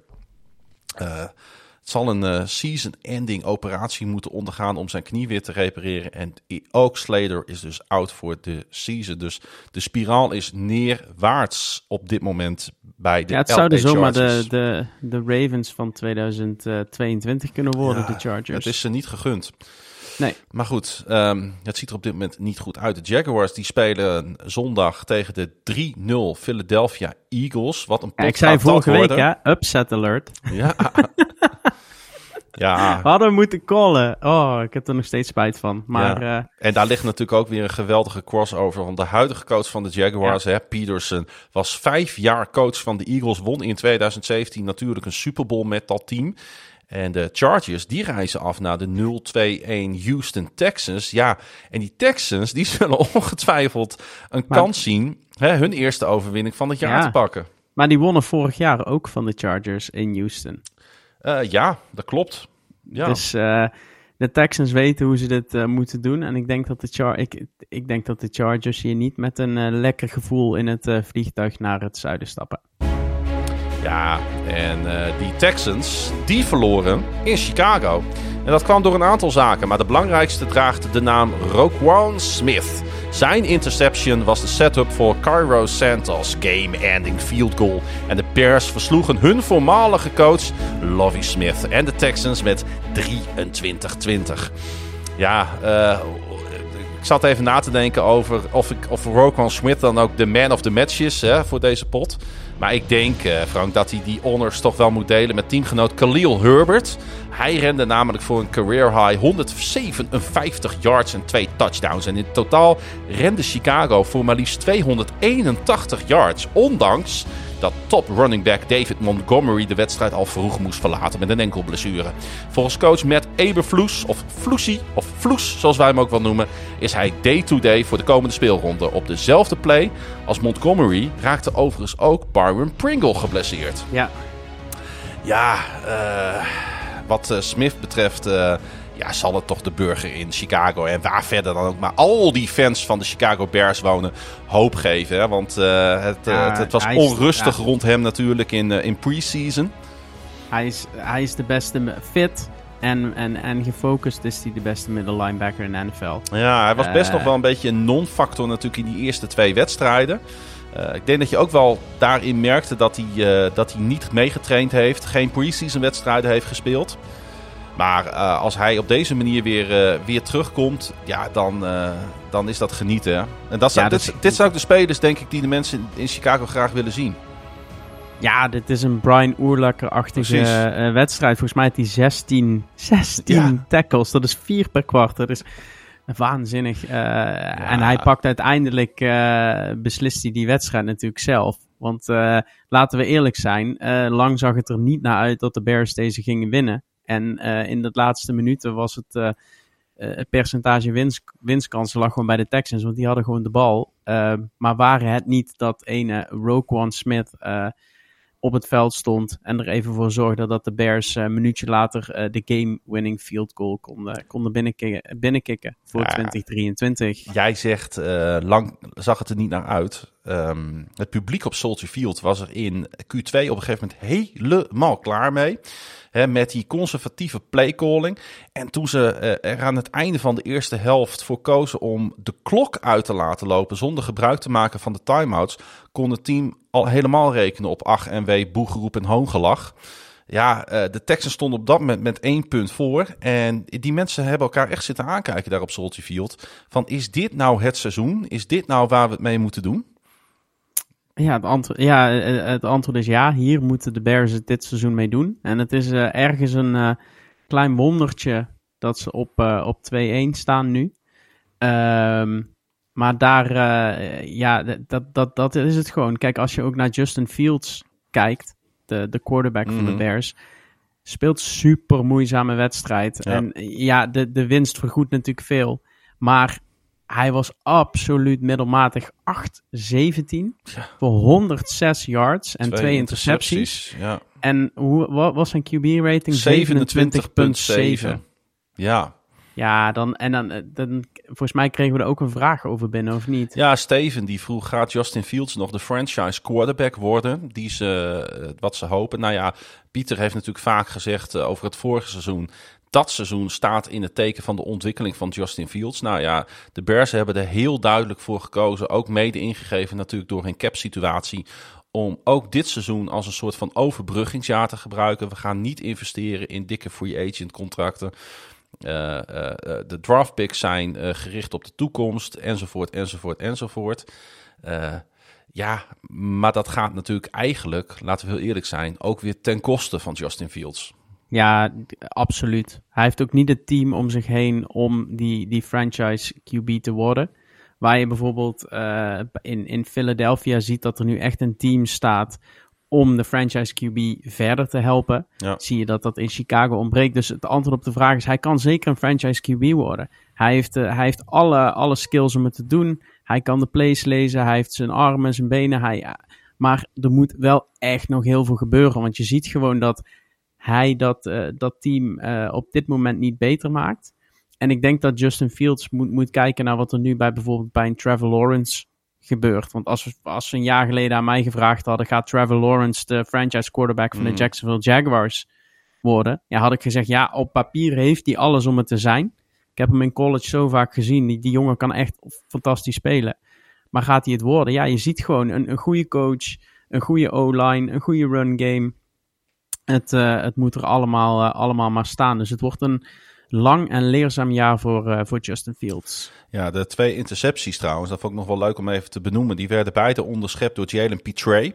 Hij uh, werd de tweede rookie in Texans history met twee intercepties in één wedstrijd. Ja, uh, Danta Robinson deed hetzelfde in een wedstrijd tegen de Raiders op 3 oktober 2004. En dan ga ik uh, kijken. die Danta Robinson, dat was een tiende, tiende overall draftkeuze ja. van dat jaar. Dus 2004 speelde uiteindelijk zes jaar voor de Texans, drie jaar voor de Falcons, één jaar voor de Chiefs. En stond vooral bekend om zijn vele personal fouls.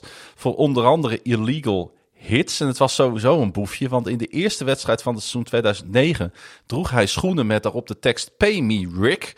Een uh, boodschap richting toenmalig general manager Rick Smith. En Robinson kreeg daar een boete van 25.000 dollar voor. Dus dan, ja, omdat die Jalen Petray als rookie dit in een, een, wedstrijd doet voor de Texans, kom ik zomaar weer op het mooi. verhaal van Dante Robinson. Ja, mooi. En dan zoek jij dus die, die Dante Robinson op. En dan weet ik van Jalen Petre dat hij van Baylor University komt. Mhm. En dat hij uh, uh, al, al jarenlang het, uh, mijn Iowa State ieder jaar weer ellendig moeilijk maakte. En dat Iowa afgelopen State weekend ook, afgelopen weer, weekend weer. Ja. Dan beginnen ze een jaar 3-0 en dan verliezen ze weer van, weer van Baylor. Ik, oh, ik, er zijn van die, van die universiteitsteams waar ik helemaal niks mee heb. Nou, Baylor is er echt één van. Maar daardoor kende ik dus wel Jalen Petre. Ja. leuk om deze jongen een beetje te volgen. Want uh, doordat hij dit soort dingen doet, dan ga je toch wat extra op hem letten. De Texans verloren dus uh, uiteindelijk wel voor de tweede keer op rij. En spelen op deze manier natuurlijk een, uh, ja, een hopeloos seizoen. In hun openingswedstrijd verspeelden ze een voorsprong in het vierde kwart om uiteindelijk gelijk te spelen tegen de Colts. En in Denver was het aanvallend veel te pover om het de kwakkelende Broncos moeilijk te maken. En het was natuurlijk uh, dus die uh, terugkeer van Lovie Smith op Soldier Field, die tussen 2004 en 2012 coach was van de Bears. We vergeten wel eens hoe lang hij eigenlijk daar heeft rondgelopen. Want hij zette in die periode Chicago op een 81-63 record neer en bereikte met de Bears zelfs één keer de Super Bowl. Ja, dat was de, hij is een, een legend in, uh, in Chicago. Ja. ja. de mensen die al langer NFL kijken, die, die weten dat. Maar dit zijn de leuke, leuke stats om het uh, NFL-landschap beter in kaart te krijgen als je net, net begint met luisteren. Ja, hij is nu wel 0-3 tegen zijn voormalige werkgever. Met Tampa Bay verloor hij in 2014 op Soldier Field en in 2015 in Raymond James Stadium. Um, ja, nu we zo een beetje door die AFC heen zijn gegaan, uh, want dat hebben we gedaan met deze uh, wedstrijden. Emiel vraagt zich af, wie is na deze drie speelrondes eigenlijk de grootste kans hebben om de AFC South te winnen? En dat is eigenlijk best wel een goede vraag, Frank. ja, ik moet er ook echt over nadenken. Ja. Kijk, de Jaguars spelen gewoon heel goed. Uh, zijn vorig jaar ook laatste geworden, dus ze hebben ook een relatief soft, soft schedule. De Titans hebben daarentegen een heel zwaar schedule. Dus um, als laat ik het zo zeggen, als Jacksonville gewoon zo blijft spelen, gaan ze wedstrijden winnen.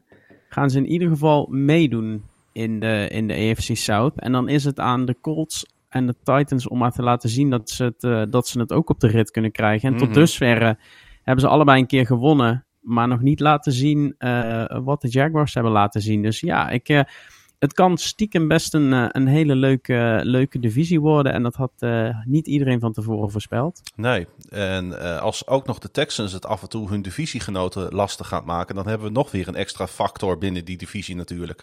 Absoluut. Uh, die Texans die hosten de zo gemankeerde Chargers en de Bears... die reizen dit seizoen twee keer naar New York. De eerste keer is komend weekend voor de, ik zou bijna willen zeggen... bijna jaarlijkse ontmoeting met de New York Football Giants. Ja, ze eindigen ieder jaar op dezelfde plek in de divisie. Uh, dus dan speel je als NFC-team ieder jaar tegen elkaar. We waren er één keer bij, hè? In 2019 ja. in, uh, in Chicago. Maar laten dus, we eerlijk uh, zijn, het is ook een prachtig affiche. Want dit zijn natuurlijk wel twee van de, van de, ja, van de founding fathers van, de, van, de, van, van het American football.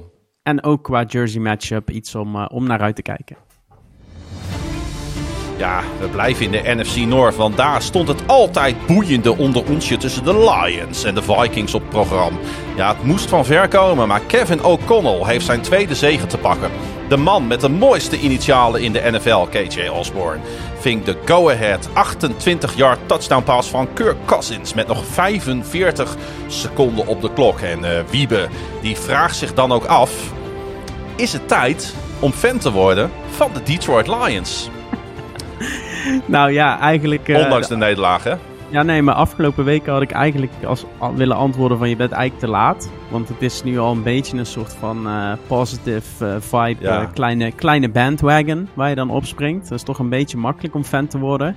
Maar afgelopen weekend deden de Lions weer waar ze eigenlijk om bekend staan. En dat is gewoon lekker Lionsen. Dus een eh, 24 eh, 14 voorsprong in het vierde kwart gewoon eh, verkwanselen. Dus eh, Wiebe, het is eh, deze week absoluut tijd om fan te worden van de Detroit Lions. Ja, er gebeurde van alles in Minneapolis, waar het eh, sowieso zelden saai is. De Lions gingen er deze wedstrijd liefst zes keer voor op fourth down. Maar op het moment dat ze dat moesten doen, ging Detroit-coach Dan Campbell er niet voor. En toen miste Austin Siebert uiteraard een vijf- 54-yard try met nog 1 minuut 10 op de klok. En dat bracht de Lions uit balans die bij de game-winning catch van Osborne het in de secondary helemaal kwijt waren. Ik Ja, weet niet of je soms- dat hebt gezien, maar waar waren de spelers van Detroit? Ja, soms heb je, eh, dat noemen ze dan momentum met een, een vaag woord. Maar soms zie je in de NFL iets heel raars. Het kan plays lang ziet het er dan heel goed uit. En dan, dan, dan kom je ergens op een punt in de wedstrijd dat je een fout maakt. Dus in dit geval ga je voor die, voor die field goal try, die wordt gemist. En dan voel je om een of andere reden Mhm. dat het daarna niet meer goed gaat komen. Je had dat bij, dat, omdat wij de Ravens kijken, zie je dat heel vaak. Dan gaan de Ravens, dan gaan de tegenstander gaat er op fourth down voor. Dat deden de Patriots zondag ook. En dan denk je, als we ze hier stoppen, dan is die wedstrijd klaar. Dan komen ze nooit meer terug. Maar dan geven ze Ja. die fourth down, fourth and two. Die gaat helemaal mis. Krijgen de Patriots de bal. En dan weet je al, oh, dat wordt touchdown. En dan twee plays later is het een touchdown. En dat was precies het gevoel wat ik had toen ik deze wedstrijd keek met 1-10 op de klok. Siebert mist. En Dan Campbell wist toen, ik heb die wedstrijd verloren. Want Ja. dan gebeurt er iets met, met beide teams. En dan, dan is het niveau in de NFL, dus het ligt zo dicht bij elkaar van ieder team. Dan is het team wat op dat moment de geest heeft, zelfs met Kirk Cousins onder center op een primetime moment, zullen we dat maar even noemen.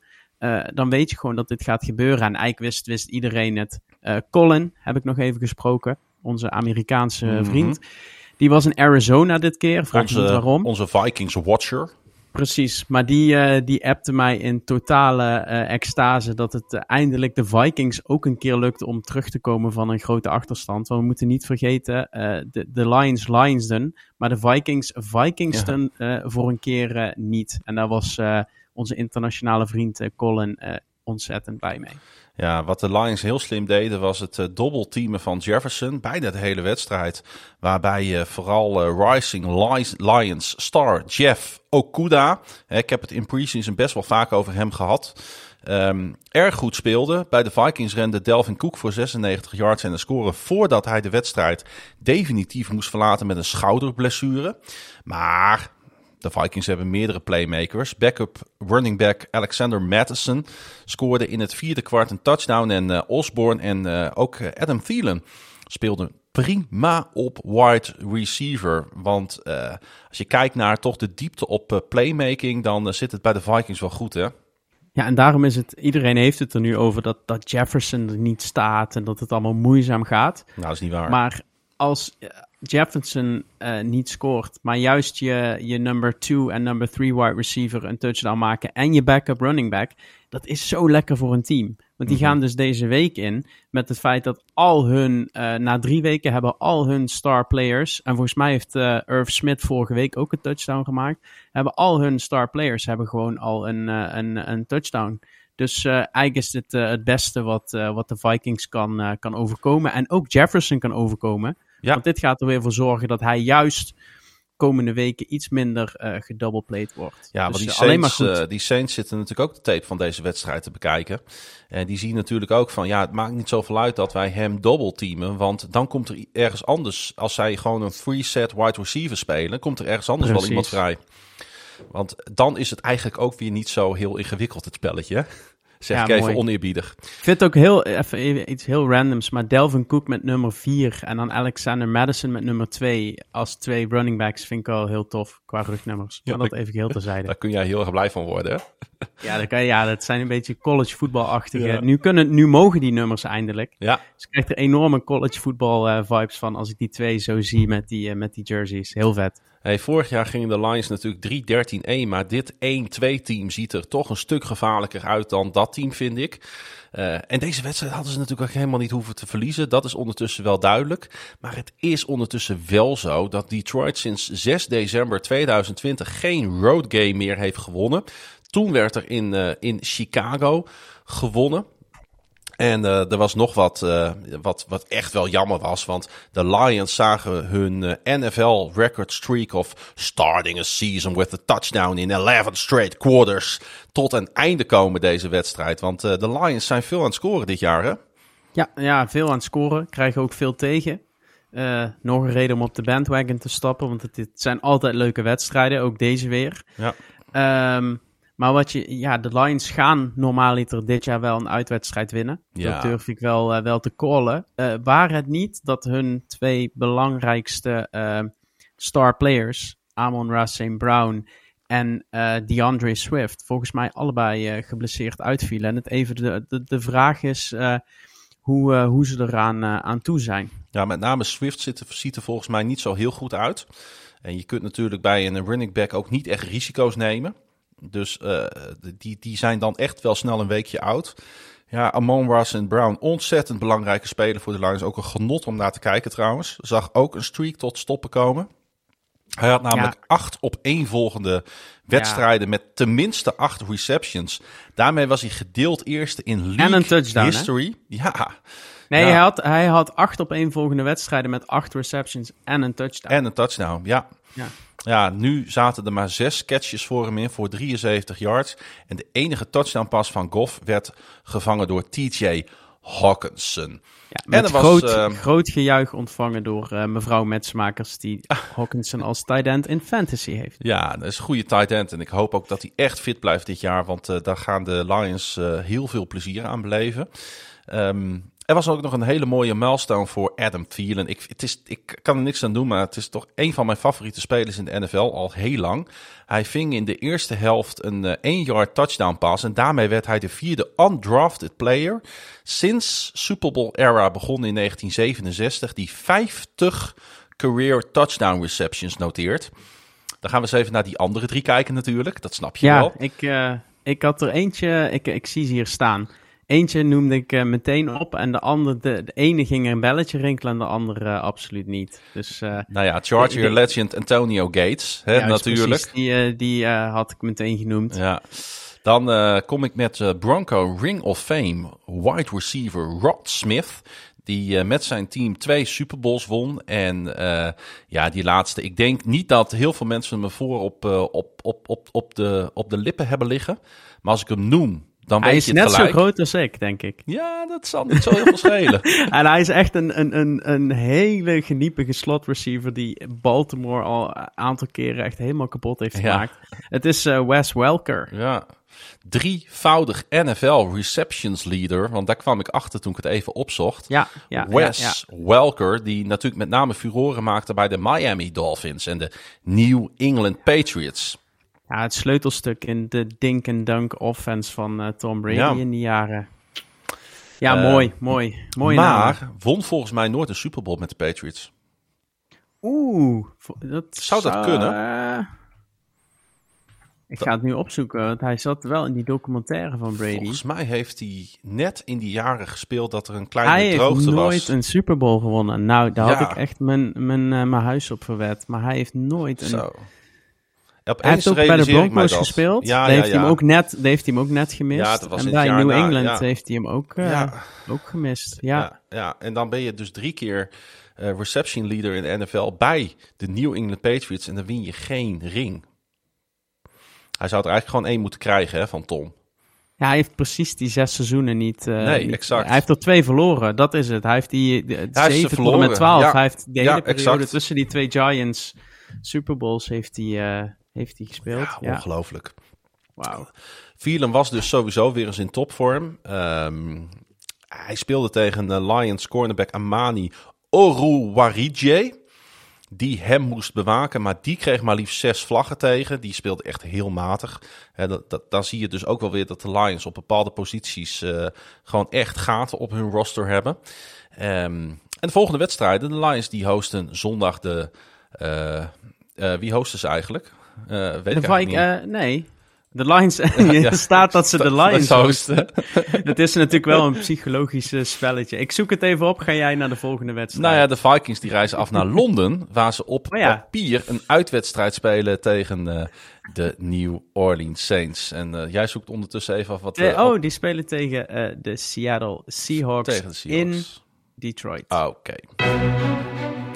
Ja, dat viel niet mee, lieve luisteraars. Het duel tussen grootheden Aaron Rodgers en Tom Brady was doorbikkelen. Het waren uh, Rodgers en de Packers die net genoeg deden om de toch enigszins gemankeerde Buccaneers te verslaan met 14-12.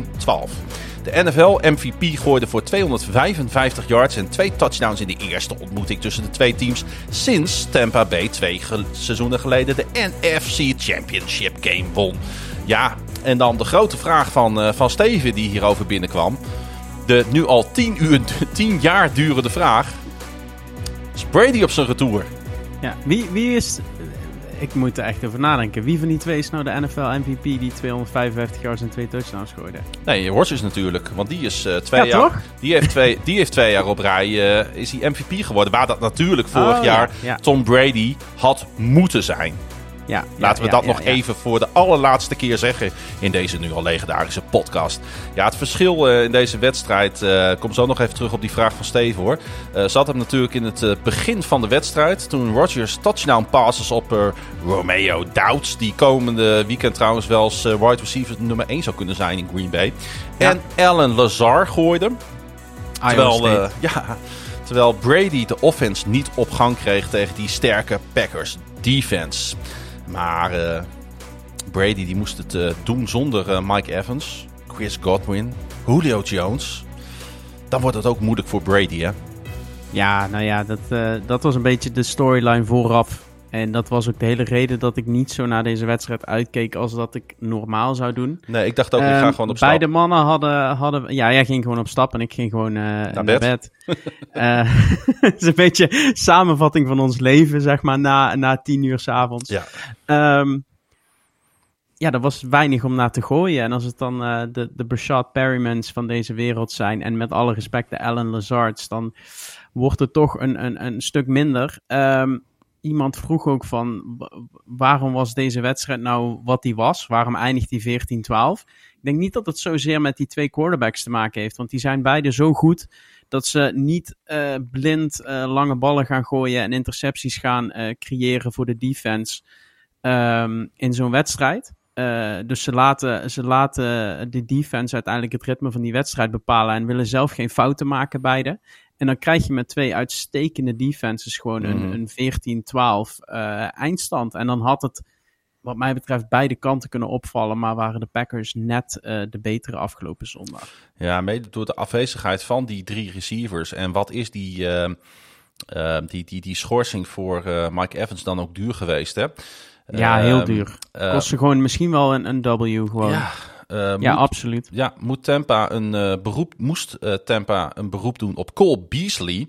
Die slechts drie keer meetrainde met de Buccaneers. De nu 33 jaar oude receiver speelde zijn eerste zeven seizoenen voor Dallas. Voordat hij de afgelopen drie jaar natuurlijk een belangrijke schakel was in Buffalo. En de antivaxer ving drie ballen voor 12 yards. Dus was nou- Even, ja. even om het cirkeltje weer rond te maken. Wes Welker hadden we het net over, hè? Mhm. Speelde dus ook voor Texas Tech. Dus dat is weer Oh. even het bruggetje naar, eh, naar Texas Tech, wist ik niet. Is, eh, is ehm, de, de vraag van Steven hebben we nog. Eh Klaas-Jan, de nu al tien jaar durende vraag. Is Brady op zijn retour of vind je? Ja, natuurlijk is hij op zijn retour. Maar dat is natuurlijk ook niet zo raar op het moment dat je 45 bent. Eh, maar hij, ja, ja en nee. Als je begrijpt wat ik bedoel. In de zin, in de zin weet je wat, wat het is met, eh eh met, met de Buccaneers en met Brady? Op het moment dat Brady niet de cast om zich heen heeft, eh, dan heeft ook hij het moeilijk. Dan heeft ook Patrick Mahomes het moeilijk als het niet draait. Dan heeft ook Josh Allen het moeilijk als het niet draait. Want daarvoor zijn de tegenstanders dan gewoon ook te goed. Ja, dat klopt. En dat, Dat zie- dat, dat zie je hier ook. Want eh, met alle respect voor Tom Brady. Maar hij speelt hier tegen een top 5 defense. Hè? Ja, en, en, en gelukkig heeft hij zelf ook een top 5 defense. En nogmaals, daardoor hoeft Brady niet zo heel veel te doen. Hij wil niks riskeren in die wedstrijd. En, de, en, en Rodgers wil ook niks riskeren in die wedstrijd. Waarom? Eén van die twee defenses gaat uiteindelijk het verschil maken. Nou ja, En ze willen allebei niet. Ze willen allebei dat het hun defense is die, die het verschil maakt. Het zat zo dicht bij elkaar natuurlijk. Want eh, als je dat, deze vraag over Tom Brady stelt, dan zou je hem natuurlijk ook net zo goed over Aaron Rodgers kunnen, eh, kunnen stellen. Eh, er zat maar een two-point conversion tussen deze twee teams, hè, uiteindelijk.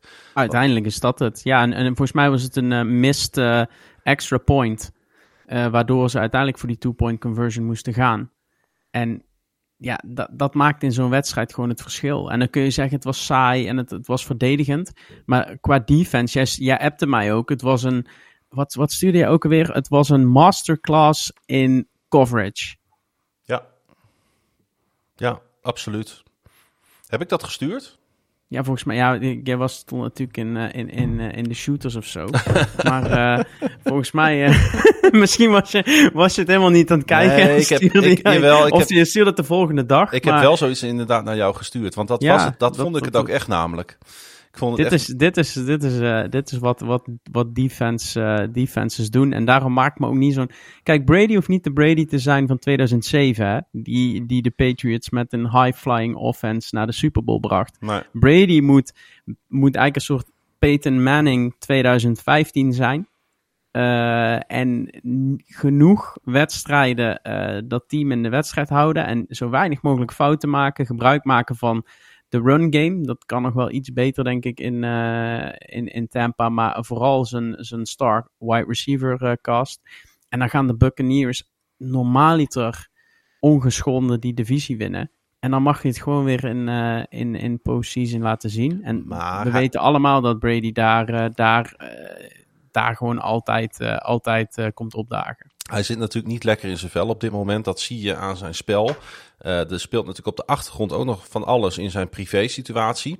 Maar als we het even betrekken op het sportieve, dan denk ik dat de delay of game penalty op die two-point conversion, wat dat betreft karakteristiek is voor Ja, eh, de manier waarop deze aanval deze wedstrijd gespeeld heeft. Toen Moet je even eh, schetsen, hè? Nou ja, Dat was de laatste play van de, van de wedstrijd, eh, Inderdaad. Ja, nou sterker nog, volgens mij met n- nul seconden op de klok of niet? Dan moet Ja, je weet, even... weet niet precies, dan maar in, ieder geval maar- de laatste play die er to date eh, Ja. in de wedstrijd was, was natuurlijk een two-point conversion om hem gelijk te maken. Ja, dan sta je op de 2-yard lijn. Eh, gaan ze ervoor. Maar ja, de delay of game zet ze meteen op de 7-yard lijn. Ja, En dan, dan, zullen er best mensen zeggen, nou heeft hij nog meer ruimte om, om wat met die bal te doen. Maar iedereen weet eh, dat je liever vanaf de 2 dan eh, vanaf de 7-yard lijn ja eh, dat begint. vind ik altijd zo'n bullshit opmerking, want het is natuurlijk niet zo. Want Natuurlijk niet. de, de mogelijkheid vanaf de 2-yard line die je hebt, ook met je running back eventueel, die heb je vanaf de 7-yard line natuurlijk niet. Dus dat haalt, Precies. dat haalt al één gevaar voor de defense eigenlijk weg. En eh, wat gebeurt er? Nou, dan kunnen de Packers zich dus gaan instellen op een passplay. En ehm, die pass werd getipt door Packers linebacker Devondre Campbell. Die sowieso een waanzinnige pot speelde met eh 14 tackles. En daarom heb ik eh, ervoor gekozen om hem biertopper van de week Week, week, week, week. Pa, pa, pa, pauw. te maken. Die we Campbell. Ik vond het wel leuk namelijk om weer eens een keer een eh, defender eh biertopper te maken. Ja, mooi. En ook te- terecht. Ja, ook omdat je dan uiteindelijk eh, als Green Bay Packers zijnde, zeg maar, eh, daardoor ook zo'n wedstrijd wint. Dus je bent ook gewoon als defense ben je de bepalende, bepalende factor. En hij was echt wel de bepalende speler, vond ik, eh, in deze defense. Campbell van de Packers, biertopper van de week. En eh, ja, voor de liefhebber van eh, verdedigend voetbal was het wat dat betreft dus eh, genoeg te genieten. Maar ik denk dat deze wedstrijd voor de meeste kijkers toch wel echt een tegenvaller was. En dat terwijl het de eerste keer in NFL history was dat beide starting quarterbacks drie regular season league MVP awards achter hun naam hadden staan. Rodgers won er al vier, waaronder natuurlijk de laatste twee. En Brady heeft er al drie achter zijn naam staan. Eh, zijn dit dan twee quarterbacks op retour? Ja, in zekere zin wel hè. Eh, ja, natuurlijk zijn ze ergens op, op, eh, op retour. Maar Daar hebben ze allebei... ja, en, staan. en- en we hebben het net gezegd, wat voor Brady geldt, geldt ook voor Rodgers. Ze hebben allebei de defense om ze heel ver te brengen. Eh, dus zij hoeven niet meer iedere week 400 yards en vier touchdowns te gooien. Wat een, wat een Joe Burrow en een Lamar Jackson eh, met, met die defenses op dit moment wel moeten doen. Dus ja, la- laat ze maar lekker eh, de, de wins binnenharken dit jaar. En het, het zal niet altijd even leuk zijn om naar te kijken als je high-scoring games verwacht. Maar ja, ik denk dat, dat zij daar allebei niet zo'n zo'n last van hebben. Nee, ik zag trouwens nog iets anders opvallends in deze wedstrijd. Want eh, Tom Brady had de langste run van de dag. Nou ja, als dat het geval is, dan weet je al genoeg. Des te jammer dat die 18-yard scramble teniet werd gedaan door een holding penalty. Dus dat zegt ook weer alles over deze wedstrijd. De brace die hij om zijn linkerknie draagt, die ging bij deze actie trouwens kapot. Klopt. Ehm, ja, en eh, het, het valt allemaal een beetje, een beetje tegen. Hè? Hij was Ja, en- natuurlijk eh, vorig jaar voerde hij dus de league aan in completions, passing yards en touchdowns. En nu staat hij op eh, nog geen 700 yards, drie touchdowns slechts en één interceptie. Ja, het is ook de line is niet, niet wat hij is. Nee. Hij mist natuurlijk Jensen, wat zijn grote maatje is uh, under center. Ja, Kappa mist hij heel erg, denk ik, die ja, weg ook. is gegaan. Dus ja, het, het, als er iets bij de, bij de Buccaneers ze een, een long season run kost op dit moment, is het de O-line. Ja. Ik zag trouwens wel een andere speler aan de andere kant bij de Packers, die ik een tijdje gemist had. Dat was namelijk left tackle David Bakhtiari. En het was voor de tweede keer sinds hij zo ongeveer alles afscheurde in zijn linkerknie. December 2020 dat hij weer op het veld stond. Um, ja, en ik zag ook cornerback Jer Alexander, een van de belangrijkste spelers in die sterke defense, geblesseerd raken aan zijn lies. Speelde in de tweede helft geen snap meer. Um, dus dat is wel ook wel, dat zal ongetwijfeld ook weer een aderlating zijn. Hij is alleen iets minder ernstig, deze blessure, omdat die Eric Stokes en uh, Russell Douglas Russell natuurlijk Douglas, ook echt ja. hele goede vervangers ja. zijn. Eigenlijk dus, hebben ze daar drie. Uh, uh, ze hebben ze ja, cornerbacks Corners, voor twee ja. posities, hè? Klopt. Ja, daarom. Dus nee, dat, dat, dat vingen ze gemakkelijk op. En ja. Bakhtiari terug, ja een geweldige left tackle, altijd geweest. Zekerheidje voor Rodgers. Um, dus ja, hopelijk zit er nog wat, wat, wat, wat vuur in, in hem. En gaan we hem de rest van het seizoen op left tackle zien in Green Bay. Ja, de Packers die hosten zondag de New England Patriots. En de Bucks die spelen opnieuw een topwedstrijd in Tampa tegen de Chiefs. De eerste matchup van Brady en Patrick Mahomes sinds de Super Bowl win door Tampa. Twee jaar geleden. Ja, hoe lastig de Buccaneers het momenteel ook hebben. Ze hebben altijd nog de mazzel van een zwakke NFC South. Waar de Panthers een zegen wegsnoepten van de Saints. Levisca Cheneau was verantwoordelijk voor een momentum-changing 67-yard touchdown pass van Baker Mayfield in het vierde kwart. De receiver die in een late pre-season trade overkwam van de Jaguars kon eindelijk zijn stempel op de Panthers drukken.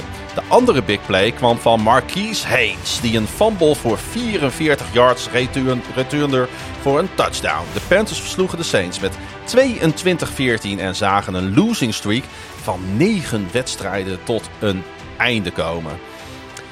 Ja, ik kan er niet zo van aan doen, maar ik gun het de Panthers dan ook wel weer, Frank.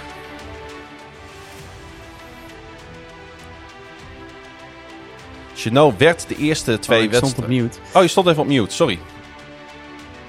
Ik zei dat ik het toch de Panthers nee, ik uh, dan ook. Ik, nou ja, oké, nou ja, goed. Ik, ik wil er eigenlijk even bij stilstaan dat ik eigenlijk dan die Panthers er ook wel weer gun dat ze eens een keer een overwinning pakken. Dan zie ik die mensen daar zo op, op zo'n tribune zitten. In dat, in dat stadion wat niet vol is. Maar die mensen komen dan toch opdagen. En als je dan ziet hoe die uit hun dak gaan bij deze twee big plays. Ja, dat vind ik dan ook wel weer mooi. Ja, en de, de, de, de Saints waren het perfecte medicijn. Uh, big plays toelaten op defense. Uh, de defense van de, van de, de Panthers die gaf eindelijk een keer thuis. En daardoor hoeft het niet allemaal van die, die zwakke offense te mhm. komen. En konden ze daadwerkelijk eigenlijk gewoon... Ja, ze hebben eigenlijk geen moment, uh, geen moment spannend geweest deze wedstrijd. Wat ik dan wel opvallend vind, uh, we hadden het net even natuurlijk over die Cole Beasley, die na drie trainingen uh, in de basis werd gezet bij de Buccaneers. Nou, die Chino, die werd de eerste twee wedstrijden nog aan de kant gezet door Matt Rule, omdat de coach vond dat hij eerst het playbook moest leren. En er zat dus wel enige frustratie bij de uh, tweede ronde draftpick, als ik mij niet vergis, in 2020, die nu dus in zijn derde jaar zit. Uh, in totaal... Komt van Jacksonville, toch? Jazeker, komt van Jacksonville. Ja, precies. Ja, ja de, de, dat uh, zei ik in de intro, dat hij uh, in een hele late pre-season trade nog naar, naar Charlotte werd gehaald. Um, in totaal gooide Mayfield voor 170 yards, waarvan 90 naar Chenot. Christian McCaffrey rende voor 108. En de Panthers wonnen voor het eerst een thuiswedstrijd sinds ze september vorig jaar ook van de Saints wonnen. Ja, dan, is dat, dan zijn de Saints het, uh, het medicijn, hè? De defense met name, die ze gewoon drie kwart op nul uh, hield. Ja. 14 punten in het laatste kwart kwamen eigenlijk allemaal, allemaal te laat. En als je ook naar uh, de, de teamstats kijkt, ja, dan zie je New Orleans wel weer 342 yards door de lucht, maar 84 yards rushing. En dat is precies het probleem van deze Saints offense. Er Mhm. zit totaal geen eh, balans in. Nee. En Carolina, die hebben dan mooi 148 yards passing en 145 yards rushing. Kun je zeggen, is aan de lage kant. Maar er zit wel balans in. En meer was er ook niet nodig eh, afgelopen zondag. Nee, dat komt natuurlijk ook een beetje omdat de Saints een toch wel hele matige quarterback hebben. Zelf dachten ze aan het begin van dit seizoen eh, dat ze met James Winston Super Bowl kandidaat waren. Gezien het geld wat ze hebben uitgegeven eh, dit jaar. Maar hij speelde alweer met een blessure. Nu was het een rugblessure. Eh, heel veel ballen miste hij. En eh, het is dat hij dan die Chris Olavi heeft voor eh, die gewoon negen ballen voor 147 yards vangt. Hij is echt, echt een revelatie. En dat is maar goed ook, aangezien na rust Michael Thomas, Jarvis Landry en Traquan Smith uitvielen met blessures. Ja, dus dat, dat, tekent, dat tekent ook eigenlijk in twee zinnen de, de offense van, eh, van de Saints. Die is helemaal eh, pass-heavy. En als dan de mensen die de ballen moeten vangen er niet zijn. Nou ja, Olave hadden we het ook al over als een van de verrassingen eh, van het seizoen. Ehm, maar ja, dit hele cap space kaartenhuis van de Saints, wat het is, want het moet een keer gaan knappen. Ja. Dat lijkt na dit jaar, lijkt ook dit jaar gewoon ja, niet, eh, niet te gaan opleveren waar ze op hopen in, eh, in New Orleans. Ja, en daar, En ben, dat- ik, en daar ben ik ook bang dat er geen snelle rebuild eh, gaat plaatsvinden. eh, voor, voor de Saints. Zeker niet als zij, want dat kan bijna niet anders voor een eh, rookie quarterbacks gaan. Ja, die zal er ook niet gelijk staan. Eh, nee, nee, er komen wel mooie quarterbacks aan. Dus Mhm. als je dan toch eh, een, ja, een, een, een moeilijk jaar hebt, dan is misschien dit jaar goed. Maar eh, de Saints hebben natuurlijk alles op alles gezet om, om met name die defense bij elkaar te houden. Ja. Ehm, en als je naar de stats kijkt, geven ze ook nog geen 300 yards weg. Dus eh, dat is niet het punt. Het is alleen dat deze Saints niet gebouwd zijn om van een achterstand eh, te spelen. Nee. Je ziet dat als zij, als zij in een wedstrijd blijven, net als tegen de Buccaneers vorige week, dan, eh, of was dat week 1? Nee, dat was tegen, week 1 was tegen de Falcons. Ehm, je ziet dat, zij, dat ze het moeilijk hebben als zij dik op achterstand staan. En misschien zijn de Falcons dan, dan een, eh, een, een, een, een ander voorbeeld. Maar juist tegen de Buccaneers leken ze echt weer mee te kunnen. Ja, en dan... Eigenlijk, ja, ik kom er niet helemaal zelf nu ook uit uit mijn eigen gedachtegang. Want eigenlijk spelen ze tegen de Buccaneers beter dan Mhm. tegen die andere twee in, eh, in de divisie. Nou ja, er is gewoon steeds iets waardoor ze die wedstrijd weggeven. Eh, vorige week was het natuurlijk een knokpartij, waardoor ze Ja. zichzelf uit de wedstrijd speelden. En dan heb je met Tom Brady een te goede quarterback staan die daar geen gebruik van maakt. Ehm, en nu inderdaad eh, wa- waren ze het zelf, want ehm, ze hadden drie turnovers op offense. Ze hebben twee field goals gemist. Nou, die twee eh stats bij elkaar opgeteld zijn meestal al een recept voor een nederlaag. En dat terwijl de Panthers het enige team waren dat week 3 aftrapte zonder takeaways. Dus ze hebben het gewoon echt heel erg slecht gedaan. ja. In, ja, nee, dat in is alle het. En dan. En dan moet Winston moet zijn desperation laadje opentrekken. Omdat ze op achterstand staan. Nou, en dat weten we allemaal. Dat is geen goed nieuws. Ook deze Nee. wedstrijd niet. dat, dat is wel zijn grootste laadje, denk ik, of niet? Ja, die mag die heel, die, die mag die heel graag opentrekken. Als zij niet, als zij niet die, die comeback hebben tegen de Falcons, dan staan deze Saints gewoon 0-3. Ja, hè. klopt. Dan breekt echt de pleuris uit Zat daar ik, daar zat ik ook al over na te denken. Dat dat dan inderdaad het, eh, het, eh, het gevolg was geweest. Ja. Ja, het was geen... eh, dit was de minst boeiende wedstrijd van de week, omdat het... Ja, het, het, het werd nooit spannend en het eh, Nee. zal ook nooit spannend zijn geworden. Maar wel mooi voor de Panthers eh, dat ze een overwinning te pakken hebben. En ik eh, gun dat eigenlijk met Rule niet. Ik gun dat ook die eigenaar niet. Maar ik gun het de, de mensen op de tribune en de fans van de Panthers wel. De Saints die spelen komend, eh, komende week dus in Londen. Een thuiswedstrijd tegen de Vikings. En de Panthers die hosten de Cardinals in Charlotte. Mooi. Daar is hij. Ja. Iedereen zat er natuurlijk al op te wachten, want er is nog een vierde team in de NFC South waar iedereen een beetje aan voorbij kijkt. Maar eh Jij niet. NFL op woensdag niet. En Klaas-Jan Terveen ook niet. Oh nee, zeker niet. Want de Atlanta Falcons hebben hun eerste zege van dit jaar te pakken. Aan de hand van Cordero Patterson won Atlanta met 27-23 in Seattle. De alleskunner die een Super Bowl won met de New England Patriots. Hij wel rende een career high 141 yards en een touchdown. Ja, geweldig. Dat Wes Welke dus nooit een Super Bowl heeft gewonnen met de New England Patriots en Cordero Patterson wel. dat is, Ja, niet, ja, hoe- hoe- dat- dat is niet eerlijk, hè? Ja, nee, ja, Randy Moss heeft er ook geen, eh, geen ring. Maar dat, er is een heel mooi rijtje te maken van die heeft een... zichzelf gemost. Hij maakt hem. Ja. Ja, mooi. Nee, hoe, eh, hoe, eh, hoe lang heb jij getwijfeld om de Falcons niet toch het eh, team van de week te maken? ja, heb ik heel lang over getwijfeld. Want Maar- jij hebt toch een, een klein... Ze hebben toch een klein... een, een mooi warm plekje in jouw hart veroverd de afgelopen drie weken, Dat denk ik. klopt. Alleen als ik dan kijk naar de tegenstander, winnen in Seattle of winnen van Patrick Mahomes en de Kansas City Chiefs, vond ik dat de Indianapolis Colts het iets meer verdienden. Dat eh, ben ik met je eens. Ja, maar goed, het zat natuurlijk al een beetje aan te komen. Hè? Want de Falcons zaten vorige week al dicht tegen een overwinning aan in Los Angeles. En bleven deze week aan de westkust om zich in Seattle voor te bereiden op Seattle. En dat wierp vruchten af. Want met de zegen voorkwamen ze dat ze zich bij die Las Vegas Raiders voegden. Hè? Nu het enige 0-3 team in de NFL. Met, eh, ja, ik vond er ook wel een heel duidelijk eh, gameplan.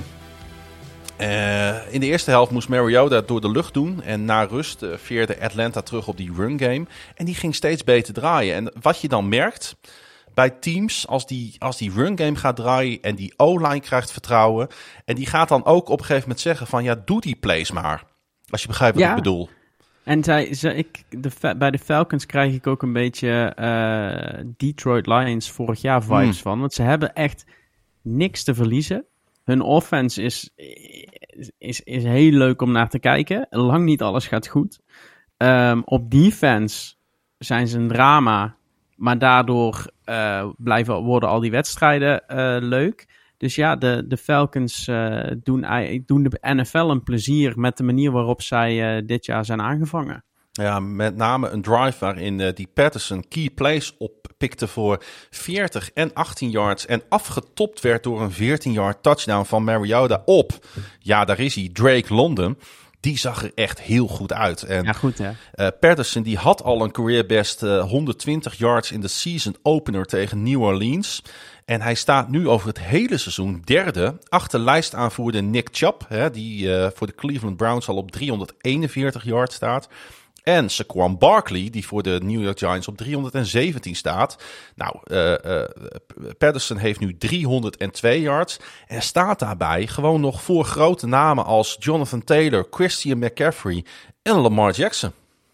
Ja, moet je Lamar hier wel niet noemen, want dan gaat iedereen weer, eh, weer zien als een running back. Ja, hij Maar goed, staat- hij, staat, hij staat er wel. En volgens mij heeft hij al 12 of 13 touchdowns gegooid. Dus eh, Lamar is lekker bezig. Lamar Jackson Nee. staat eh, qua rushing staat hij gedeeld vijfde met, eh, met de, de running back van de Panthers, Christian McCaffrey.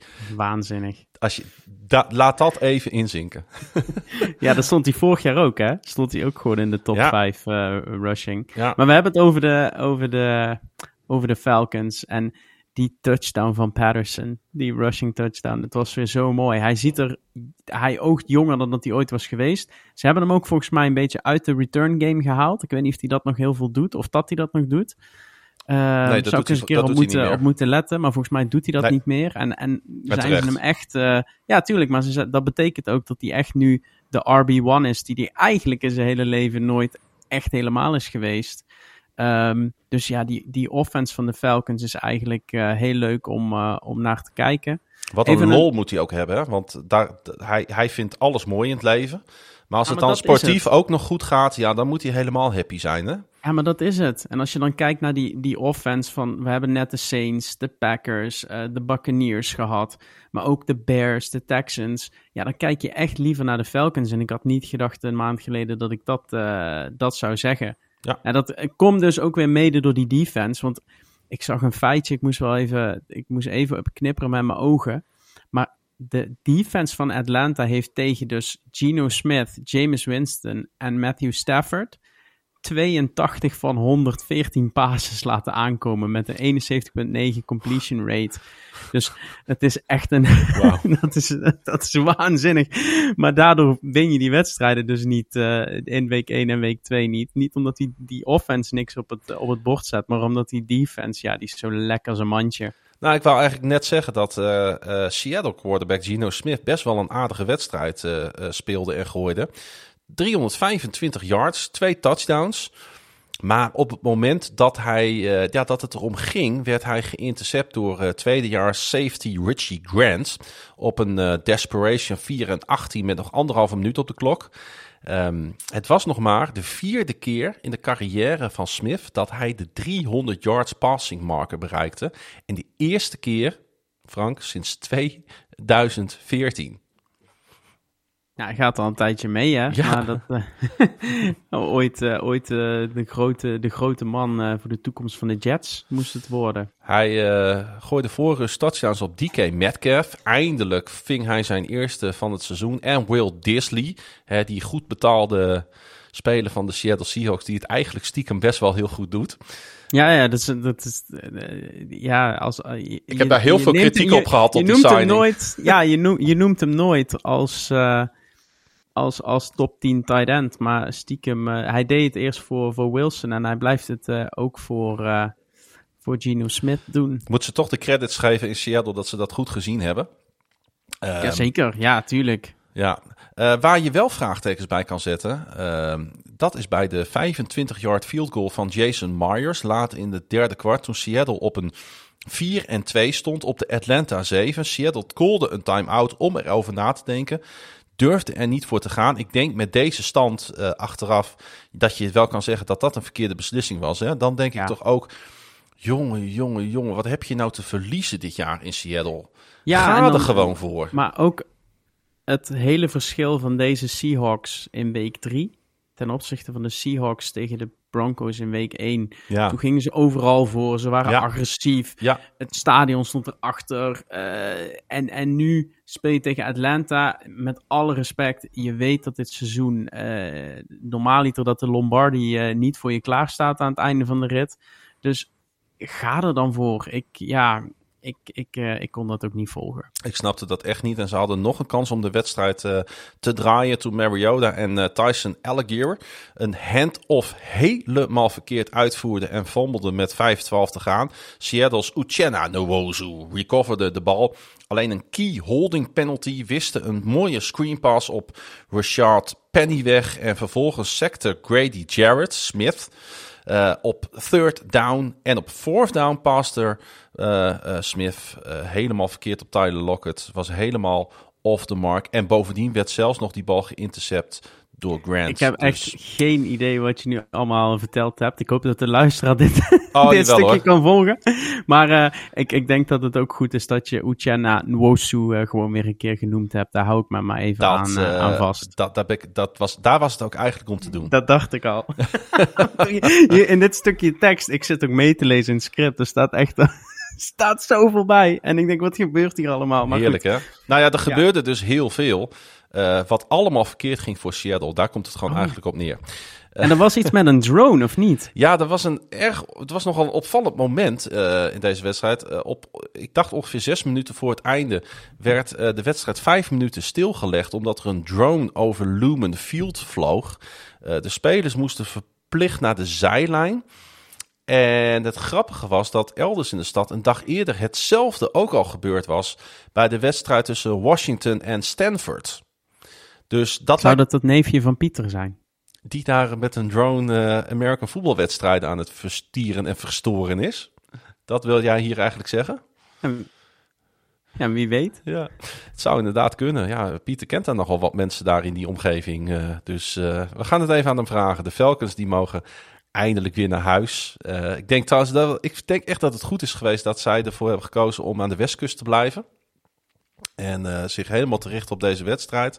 En zij ontvangen de Browns. En Seattle speelt twee uitwedstrijden de komende twee weken. Te beginnen in Motown. It's third, It's third down. Ja, Seattle begint dus met een uh, 1-2 record in de NFC West. En dat geldt ook voor de Arizona Cardinals, die hun opleving van vorige week geen vervolg konden geven in de thuiswedstrijd tegen divisierival en plaaggeest Los Angeles Rams. De defense van de Super Bowl kampioen overleefde maar liefst 58 passing plays van Arizona's Kyler Murray. Af en toe een 5 of een 10 yarden toestaan, dat vond Sean McVay niet zo erg zolang ze de big plays maar tegenhielden. De Rams hielden zich keurig aan dat plan. En de defense lijkt weer een heel klein beetje op dat niveau van vorig jaar terug te keren. Hè? Ja, precies. Maar dit was ook een heerlijke wedstrijd voor de defense van de Rams. Want als de Rams offense op de eerste drie uh, possessions gewoon scoort, ja, dan kunnen ze daarna een heerlijke wedstrijd spelen. Maar het was toch een beetje een rare wedstrijd, vond ik hoor. Want hè, je, had er, je had veel van dit soort wedstrijden erbij hè, afgelopen weekend. Van die low-scoring games. En de, de, Rams domineerden voor mijn gevoel de, de hele wedstrijd. Maar ze hebben het nooit echt in het slot gegooid. Nee, dat, uh, dat klopt. Ook als je naar de, de, de stats van die, uh, van die wedstrijd kijkt, dan zie je eigenlijk dat het dat beide quarterbacks niet in staat waren om, om drives af te ronden. Buiten die tien, ja, die tien punten in het eerste kwart van, uh, van LA. Ja. Je ziet ook Matt Stafford met maar 249 yards. Geen touchdown, geen interceptie. En Kyler Murray 314 yards, maar wel het 58 attempts. Ja, dan, dan zie je al dat je de hele wedstrijd met een achterstand speelt, want dan ga je veel gooien. Maar ook daar nul touchdowns, nul interceptions. En als je dan een lichtpuntje moet zoeken bij de Cardinals, dan is het toch wel die, die defense uh, vanaf, het, uh, vanaf het tweede kwart, mm -hmm. die het eigenlijk een, uh, een wedstrijd liet. En ja, dat deden ze eigenlijk ook de tweede helft tegen, tegen de Raiders vorige week. Dus ja, het, het, het is zoeken naar lichtpuntjes, maar... nou, ja. Marcus Brown, zat ik aan te denken. 140 yards. Lijkt toch wel Ja. een goede fit te zijn met Murray. Maar dan ook, hè, eh, niet om, om, eh, om Hollywood af te vallen. Eh, helemaal niet zelfs. Maar hij heeft 17 targets, 14 recepties, 140 yards. Aan de ene kant kun je zeggen fantastisch. Ja. Maar hij moet wel 14 ballen vangen om tot die 140 yards te komen. Dus dan zie je ook dat er yards after the catch, eh, big plays, die waren het allemaal niet. Het was allemaal Ja, gemiddeld. Dat is 10 precies yard, wat eh, ik 10 zei. Dat is precies Ja. wat ik zei natuurlijk in, die, in, die, in dat introotje net. Eh, de, de, de Rams vonden het wel goed. Af en toe zijn 5 yard, af en toe zijn 10 yard toestaan. Maar ze hebben alle big plays hebben ze uit de lucht geplukt en weggeslagen. Of ze hebben er met pressie voor gezorgd dat eh, Murray niet in positie kwam om die ballen te gooien. Zover. En eh, dat is, dus zij hebben, eigenlijk hebben zij het perfecte gameplan hebben zij, eh, hebben zij opgesteld voor deze Ja, wedstrijd. precies. Ondanks Precies. dat dat voor de kijker misschien wat minder leuk was. Maar die defense, jongens van de Rams. Aaron Donald had weer eens een sack. Twee tackles voor een loss. Jalen Ramsey had een tackle voor een loss. En heel veel pressie eh, en, en, en geweldige coverage. Ehm, ja, dit is gewoon, en dat zie je dan toch ook weer in deze wedstrijd, gewoon overall een heel erg goed team. Mooiste play van de wedstrijd vond ik die 20-yard touchdown van Cooper Cup. Ja. hè, die was in motion voor de play. En met die hele snelle hand-off. Wie, wie had de meeste... Jan? Sorry, wat zei je? Pauzeer hem heel even. Een kleine flinch in het eh, systeem. Nou, we zijn er. Ja, dat gaf ons de mogelijkheid om even naar wc te gaan. Ik zat het meest te bedenken, we moeten Wouter weer even aanmoedigen. Hup Wouter. Hup, Eh, ik ben nu, eh, ik denk, hij kan een marathon rennen eh, tijdens de podcast. ik denk Dus, dat hij alweer aan zijn tweede rondje een dag later nu bezig is. denk ik ook. hij rent, hij rent hopelijk meer dan, dan de run game in, in deze wedstrijd. Precies, Want dat zijn de hele goeie. 170 yards, dus daar moet Wouter gemakkelijk overheen komen. Ja, en dan die, die Cam Akers die fumbled ook nog even op de 1 yard line. Anders hadden de Rams trouwens deze wedstrijd veel makkelijker gewonnen. Eh, ik wou eh, nog even benoemen, die 20 yard touchdown van Cooper Cup. Cup was dus in motion voor de play en met een hele snelle handoff van Stafford verraste hij eigenlijk de volledige Cardinals defense, waardoor hij genoeg ruimte had om naar de endzone te sprinten. En dat vond ik echt een van de plays eh, van dit weekend. Ondanks dat er in deze wedstrijd verder niet zoveel te genieten viel. Ik heb die play heb ik een keer of 4, 5 teruggekeken. Ah, hij is een van de beste spelers in de NFL. Als je dit kan Ja. als wide receiver, eigenlijk bij een soort running back on the edge. Geweldig. Mooie play. Absoluut. De Rams die spelen komende speelronde de Monday Night Football tegen de 49ers in Santa Clara. En hebben dus een dagje extra rust. De Cardinals spelen ook een uitwedstrijd. En wel in Charlotte tegen de Panthers. En eh, die 49ers, ja, die kunnen wel een primetime succesje gebruiken. Want net als de Cardinals en de Seahawks staan ze na drie wedstrijden op 1-2. Na een wel hele lelijke 10-11 nederlaag op Mile High. Uh, maar ja, dan zou je de overwinning van de Broncos ook net zo goed een lelijke overwinning kunnen noemen. 9 free and outs, geen touchdown passes, 126 yards passing. Ja, ik denk dat dit wel by far de lelijkste wedstrijd uit de loopbaan van Russell Wilson was, hè? Ja, in ieder geval een van de, want dit was niet om, uh, niet om aan te gluren. Nee. Uh, ik zag ook een aantal, uh, waaronder Arjan, die zei: Deze tijd krijg ik nooit meer terug. Nee. en dan heb je hem ook nog verloren. Als je hem dan wint, dan, dan maakt het allemaal niet uit. Maar dan zeg je: lelijke overwinningen zijn ook overwinningen. Maar dit, uh, ja, dit, dit, ook dit weer. dit was qua, qua defense was dit nu natuurlijk fantastisch om te kijken. Maar als je hier van twee, twee uur s ochtends tot vijf uur s ochtends voor op bent gebleven op maandagochtend. Dan heb je een, een zware nacht gehad. Nou, ik had ook een zware nacht. Ik kwam om een uur of vijf uh, kwam ik thuis nadat ik een uh, Turkse tosti bij de Cairo naar binnen had uh, geschoven. hoeveel, hoe, op hoeveel rushing yards zat jij? niet zoveel, want ik heb bijna alles op de fiets gedaan. Alleen de trap op en neer in shooters, ik denk dat dat zo ongeveer mijn, mijn beweging was die nacht. de, nee, ik heb het laatste kwart nog even meegepakt toen ik thuis kwam. Nou ja, goed, daar werd ik ook niet heel vrolijk van. De Broncos staan nu 2-1 uh, en staan zo waar samen met de Chiefs aan kop van de AFC West. Want dat wel natuurlijk. Ja, dat, en een win is een win in de NFL. En de Broncos kunnen eigenlijk alleen maar beter gaan spelen. Dus uh, ja, ik, ik denk dat zij heel blij zijn met waar ze nu staan. En als zij dat, dat plafond net iets omhoog kunnen halen, die defense die staat als een huis, ja, dan ben ik toch heel, uh, heel benieuwd uh, waar dit gaat eindigen. Ja, Absoluut. Uh, uh, niet om aan te, aan te gluren dus, maar die defense van Denver die leefde dus wel. Een defense dat over drie wedstrijden slechts uh, eh, 36 punten heeft toegelaten. En zondagavond wisten ze Jimmy Garoppolo vier keer te bereiken voor een sack. En ze forceerden drie turnovers. Ja, dan doe je aan die kant van de bal natuurlijk wel wat goed. Ja, precies. En dat, dat, daar had iedereen het natuurlijk ook over. Ja. Uh, en, en die ene play waar, uh, waar iedereen uh, en natuurlijk over had, was die safety in de endzone. Ja. Waarbij Garoppolo misschien onbewust, maar gelukkig met zijn voet buiten de endzone staat. en daarna gooit hij een eigen pick six. maar ja, die telt dan niet, omdat het al een, een, een safety was. Ja. Dat was eigenlijk de, de belangrijkste play van de, van, de, van de dag. En die liet eigenlijk ook, uh, die vatte de wedstrijd eigenlijk uh, perfect samen. Want Wilson en, ja, wat, ik ben ook even kijken naar de stats. Wilson 184 yards, 0 TD, 0 intercepties. Jimmy Garoppolo 211 yards, 1 TD op de eerste drive. En een hele lelijke interceptie. Dus ja, van die offenses moest het niet, niet komen. Nee, de Niners converten slechts één uh, van 10 third downs in deze wedstrijd. En uh, juist op die play die jij net benoemt, dus die safety die uh, Garoppolo zelf veroorzaakte door op het wit te stappen. Op die play viel star left tackle Trent Williams uit met een enkel blessure.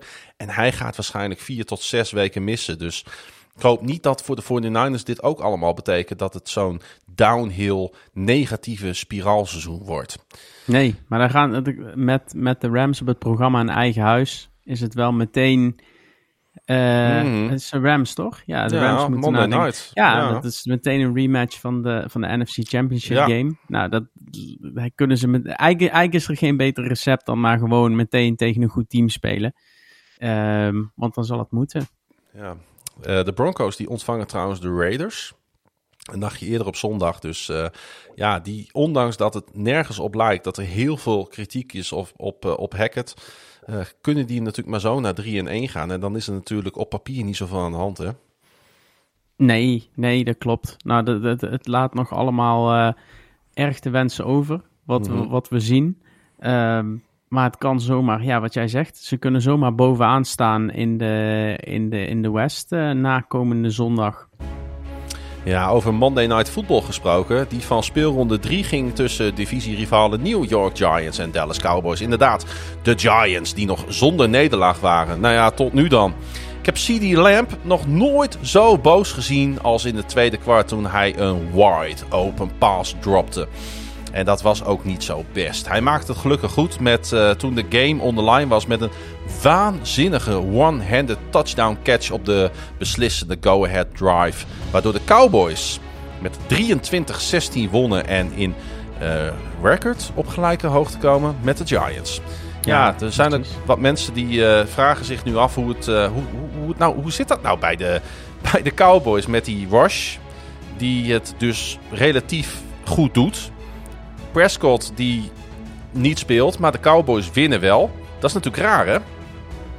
Ja, even nog over die one-handed TD catch. Even van CD Lamb. Dat, het is dat George Pickens bij de Steelers de mooiste catch van misschien wel het seizoen heeft gemaakt afgelopen donderdag. Mhm. Mensen die daar samenvatting van willen horen, die moeten MVP-lid worden. En die bij, moeten het petje afnemen voor uh, NFL op woensdag. Want de review van die wedstrijd zit in de voorbeschouwingspodcast uh, op deze of op de vorige week dan. Ja. Um, maar die, die catch was waanzinnig van CD Lamb. En dat maakte dus ook het, het verschil in die wedstrijd.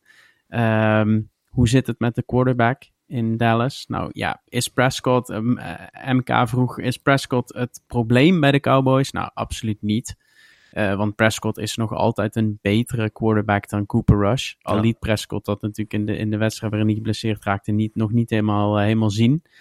Um, en kan Rush ergens starting QB worden? Ja, daar zit één, daar moet je één laag dieper kijken. Want je ziet dat die jongen het heel goed doet. Maar hij zit natuurlijk al een aantal jaar in, uh, in Dallas. Hij kent het playbook.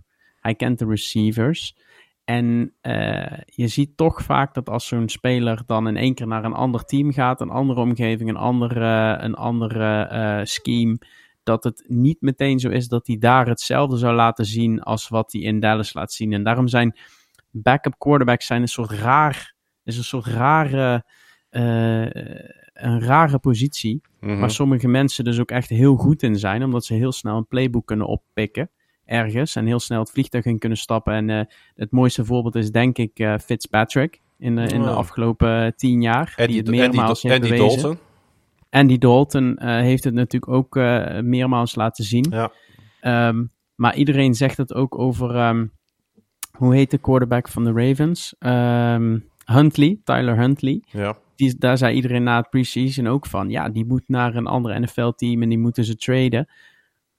Maar hij is gebouwd, hij is gemaakt voor dat playbook van de Ravens. Hij is gebouwd om de backup van Lamar te zijn. Dus kan Rush ergens een starting quarterback worden? Ik weet het niet. Nee. nee, ik denk een goede uiteenzetting inderdaad van hoe dit in elkaar steekt. Terug naar de wedstrijd die, uh, ja, ik heb, ik heb ernaar zitten kijken. Ontzettend traag op gang kwam. Ik denk, ben ik hier nou weer veel voor maandagnacht wakker geworden? Of wakker gebleven, kan ik beter zeggen. Maar uiteindelijk waren het toch weer de Cowboys die voor de tiende keer in elf wedstrijden van uh, New York wonnen. Het was ja, dus jammer, uh, ja, ergens wel. Um, omdat je dan hoopt dat dat een keer doorbroken wordt. En ik had ah, wel ja, het idee en... dat dat juist nu een keer zou kunnen. Hè, zijn, met... Ik bedoel, zijn de, zijn, de, zijn de Giants nu nog Super Bowl bound? Ik denk dat alle luisteraars zich dat nu afvragen, Klasje. Nou, playoff bound nu. Playoff, nu is het playoff bound, ja. hè? Ja. Ja. Ja, ja, precies. ze hebben zichzelf een beetje gedegradeerd. Uh, ik wil wel positief zijn, maar ze moeten ook wat teruggeven aan mij. Het was de eerste nederlaag van Brian Dable als uh, headcoach. En dat natuurlijk dus tegen een Cowboys team zonder Dak Prescott. Cooper Rush die gooide voor 210 yards, inclusief de 1 yard touchdown op Lamp. En hij won dus zijn tweede op één volgende wedstrijd. Lamp noteerde uiteindelijk 8 catches voor 87 yards. En het bleef wel lang spannend op zich in deze wedstrijd. Want um, Saquon Barkley, die uh, zorgde er nog voor dat uh, de New York Giants in Q3 op een 13-6 voorsprong kwamen met een prachtige 36-yard touchdown run. En ja. toen dacht ik van, nou... Ja, Barkley is echt one of a kind, hè. Ja. Als je die run ziet, wat hij, wat hij, hoe hij zijwaarts uh, snelheid kan maken... Dat kan geen enkele running back in de, in de, in de NFL. Nee, en hij is echt, oh, dat is zo mooi. En je voelde, en dat, dat zijn ook de, de huidige New York Giants. Want de, dit is, ze hebben natuurlijk tien van de elf keer verloren van de Cowboys. Um, maar dit was er wel eentje met perspectief. Ja. Want uh, met die touchdown. Het stadion stond erachter. Mensen geloven in het team. Sfeer was en geweldig. Was, uh, ja, en, ja. en het zat ook volgens mij uh, nagenoeg vol. Ja, absoluut. En, en Jones, ja, tot eigenlijk het einde van de wedstrijd speelde hij ook gewoon een, een, uh, een prima pot. Dus ik, ja, ik, ik ben wel enthousiast over, over deze Giants, ondanks de loss. Ze hadden hem eigenlijk gewoon uh, moeten winnen. Ehm, Weet, je, ja, dat, dat, weet je eh, dat hij na Lamar Jackson op dit moment de quarterback is met de meeste eh, rushing yards? Oh, dat zou best wel eens kunnen, ja. Ja, is dat, geloof Leuk, ik hè? wel. Ja, nou, maar dat, ja, dat laat ook zien dat hij, dat ook daar eh, beter in, eh, in is geworden. Hmm. Dus ik, ik ben, eh, ja, ik, ik, ik, mijn favoriete team in de NFC is de Giants. Dat, dat weet jij ook. Ehm, dus Ja. ik heb er altijd wel een zwak voor. Maar ik, ehm, ja, ik ben blij met wat ik heb gezien, ondanks de nederlaag. Ja, en wat, wat ik eh, fijn vind voor de Giants is dat ze eindelijk een coach nu hebben die wel zeg maar een gebalanceerd gameplan kan neerleggen. Want beide teams hanteerden een strategie waarbij je ongeveer net zoveel gerend als gegooid werd. Niet Ja. helemaal, maar je snapt wel een beetje wat ik bedoel. Hè? Dallas rende voor 176 yards, waarvan 105 door Tony Pollard.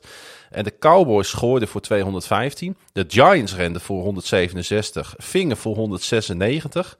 Dan krijg je dus zo'n wedstrijd die niet super high scoring is. Maar wel twee teams die heel dicht bij elkaar zitten. En dan is uiteindelijk toch weer een interceptie van Trevon Dix bepalend voor de wedstrijd. Ja, dat is uiteindelijk. eh, en, en dit was zo'n interceptie waar hij echt voor moest werken. Ja. Dus het is niet wat Pieter vaak noemt dat ze, dat ze op hem afkomen.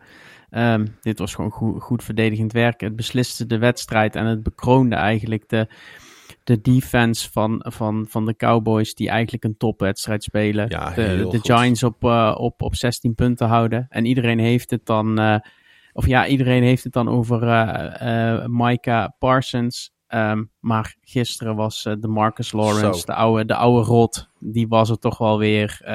Drie van de vijf seksen. ja, geweldig. Ja. Ja. Ja, fantastisch. En, ehm, en eh, eh, ze hebben een mooie wedstrijd ook voor de boeg, de Cowboys. Want ze spelen zondag in eigen stadion tegen de Washington Commanders. Dus ik denk dat dat ook een uitgelezen kans is voor, eh, voor die Cooper Rush om nog weer een overwinning bij te schrijven. Ja, En ik zei het vorige week al. Hè? Ja. Die, die, die, die, die Cowboys zijn nog lang niet klaar. En de Giants die spelen een derde thuiswedstrijd op rij tegen de Chicago Bears. Dus die zijn wat dat betreft ook nog niet uitgespeeld. Ja, er was nog een eh, divisie onder onsje in de NFC East. In een eh, grotendeels door Eagles-fans gevuld FedEx Field. Had Philadelphia geen enkel probleem met Washington. De connectie Jalen Hurts, Davante Smith is om je vingers bij af te likken. My ball or nobody's, zei Smith na de wedstrijd. Hij ving er 8 voor een career high 169 yards. En een touchdown in een 24-8 overwinning tegen een team van voormalig Eagles quarterback Carson Wentz. Teamgenoten hingen Smith een Batman cape om, om de superhero performance nog maar eens extra kracht bij te zetten. En zo zijn de Eagles ongeslagen in de NFL. Ja, het is Ja. ongelooflijk hè, wat die Hurts en Smith samen laten zien. Het is, het is ongekend. Ja, Ja, het is het. Ja, de, de, de, finger licking good. Ja, ik, het, het, het Hurts en Smith. En dan hebben we nog, eh, nog eh, oh, wat is het nou? Zijn naam? Brown. AJ Brown. Maar AJ Brown. Hebben we AJ Brown nog. En dan hebben we met. Eigenlijk hebben we daar gewoon een, een, een, een wide receiver 1. En, en nog een wide receiver 1. Ja. En is het niet AJ Brown die het doet, dan doet Hurts. eh, dan gooit Hurts die ballen gewoon naar Smith. ja, en ze hebben En, natuurlijk met Dallas ja. Goodert ook nog een geweldige tight end staan. Die maakt een mooie touchdown Ja, trouwens. zeg. mooie catch hè? Ja, en dan ook nog die yards after the catch. Ja. Het was, eh, het was om je vingers bij af te likken. En dit is, dit is wel het team wat na drie weken... Ze hebben eigenlijk pas twee wedstrijden gespeeld. Want ze hebben al twee keer eh, na rust, eh, zeg maar, een beetje het, het, het- de eerste twee paginaatjes van het playbook een beetje kunnen, kunnen doen. En de rest hebben ze allemaal kunnen opbergen. Dus ja, ik ben heel benieuwd wat deze Eagles nog in het, in het vat hebben. En ik- in mijn power ranking zouden ze in ieder geval boven de Dolphins staan. Ehm, en misschien eh, wel helemaal bovenaan de, de NFL op dit moment. Uh, er is geen twijfel over mogelijk. Zij zijn op dit moment nummer 1 team in de, in de NFL. Ja, en ook om naar te kijken. Ja. Het, is, eh, het, is hartstikke, het is hartstikke leuk om naar te kijken bovenal. Eh, daar hebben we het net over de, over de offense gehad. Maar die defense, ja, dit is, het is een compleet team hoor. Want zij sacken eh Wens negen keer. Ja. Ehm, dat is waanzinnig. Ik zag ook, ik stuurde jou die krantenkop toch van eh Sex with my ex. Ja. Ja, dat, dat, dat, kun- Goed, dat hè? kun je aan de, aan de Oostkust pers wel, wel overlaten. ja. En, zo, en, en dit is dan een voorbeeld waar je een totaal niet gebalanceerde offense hebt in de zin van je hebt 328 passing yards en 72 rushing yards. Mhm. Maar dat komt omdat zij in dat tweede kwart gingen ze gewoon helemaal eh, los. En dat blijkt dus wel een beetje een, eh, een, een, een, een ding te zijn. Want de Eagles scoorden al hun 24 punten zondag in het tweede kwart. En in drie wedstrijden hebben zij 65 van hun 84 punten in dat tweede kwart gescoord. Dus ja, dat kan een kwaliteit zijn, kan ook een zwakte zijn, want je komt uiteindelijk ook in een situatie dat het het tweede kwart niet lukt.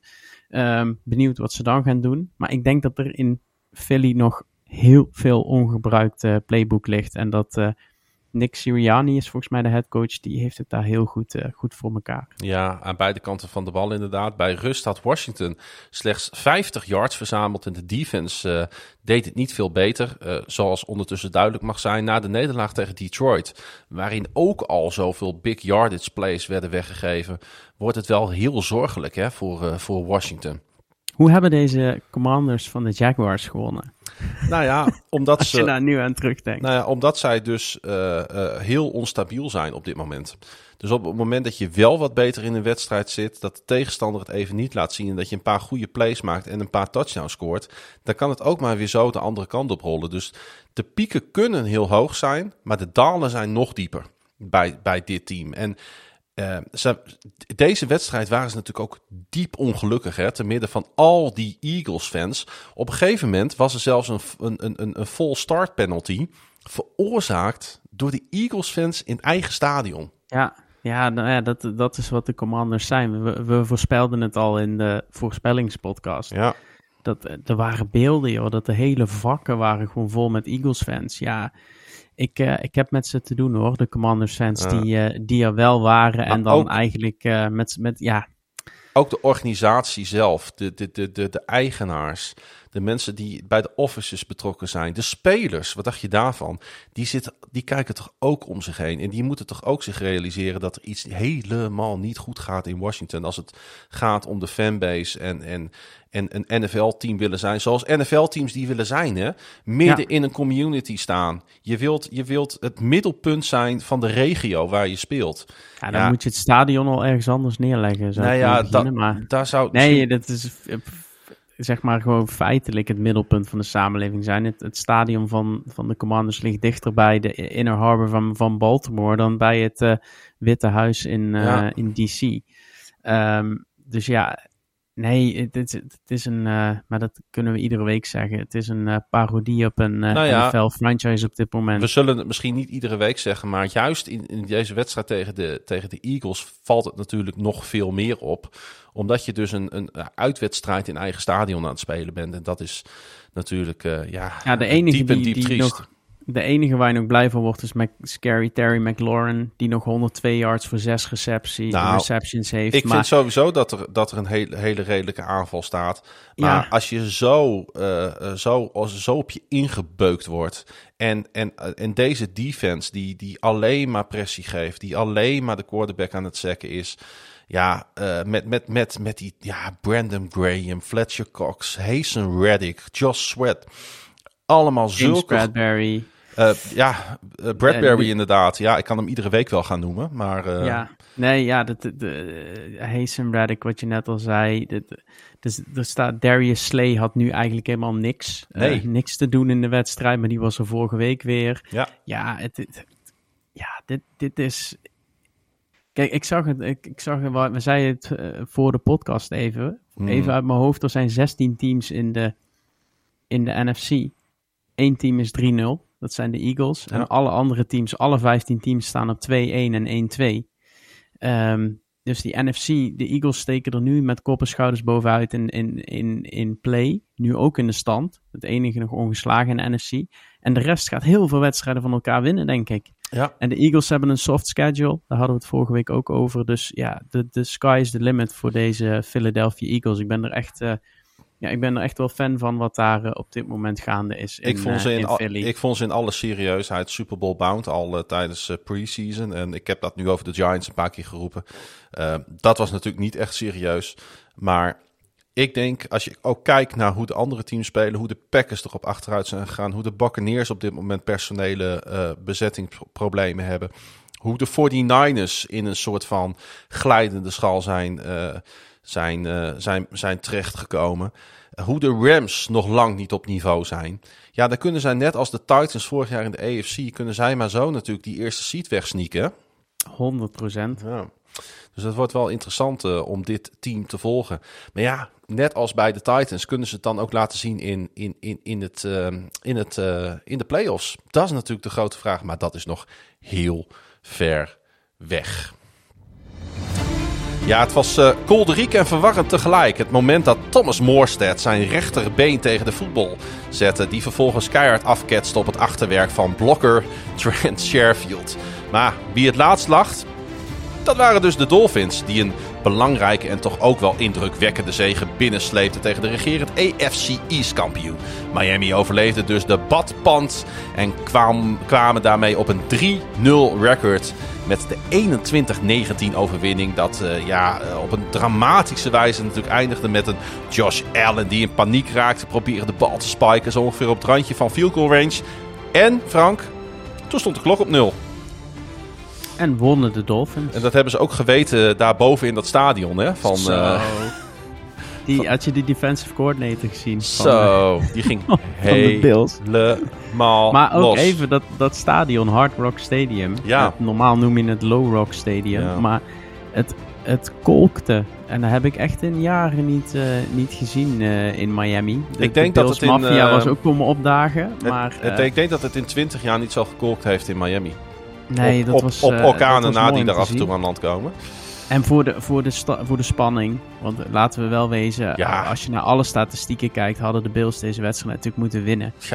Ja. Um, en het is voor de NFL heel leuk dat de Dolphins dit doen. En ze hebben ook goed gespeeld. Ze hebben minder fouten gemaakt dan de Bills. De Bills hebben meer voetbal gespeeld. De Dolphins hebben minder fouten gemaakt.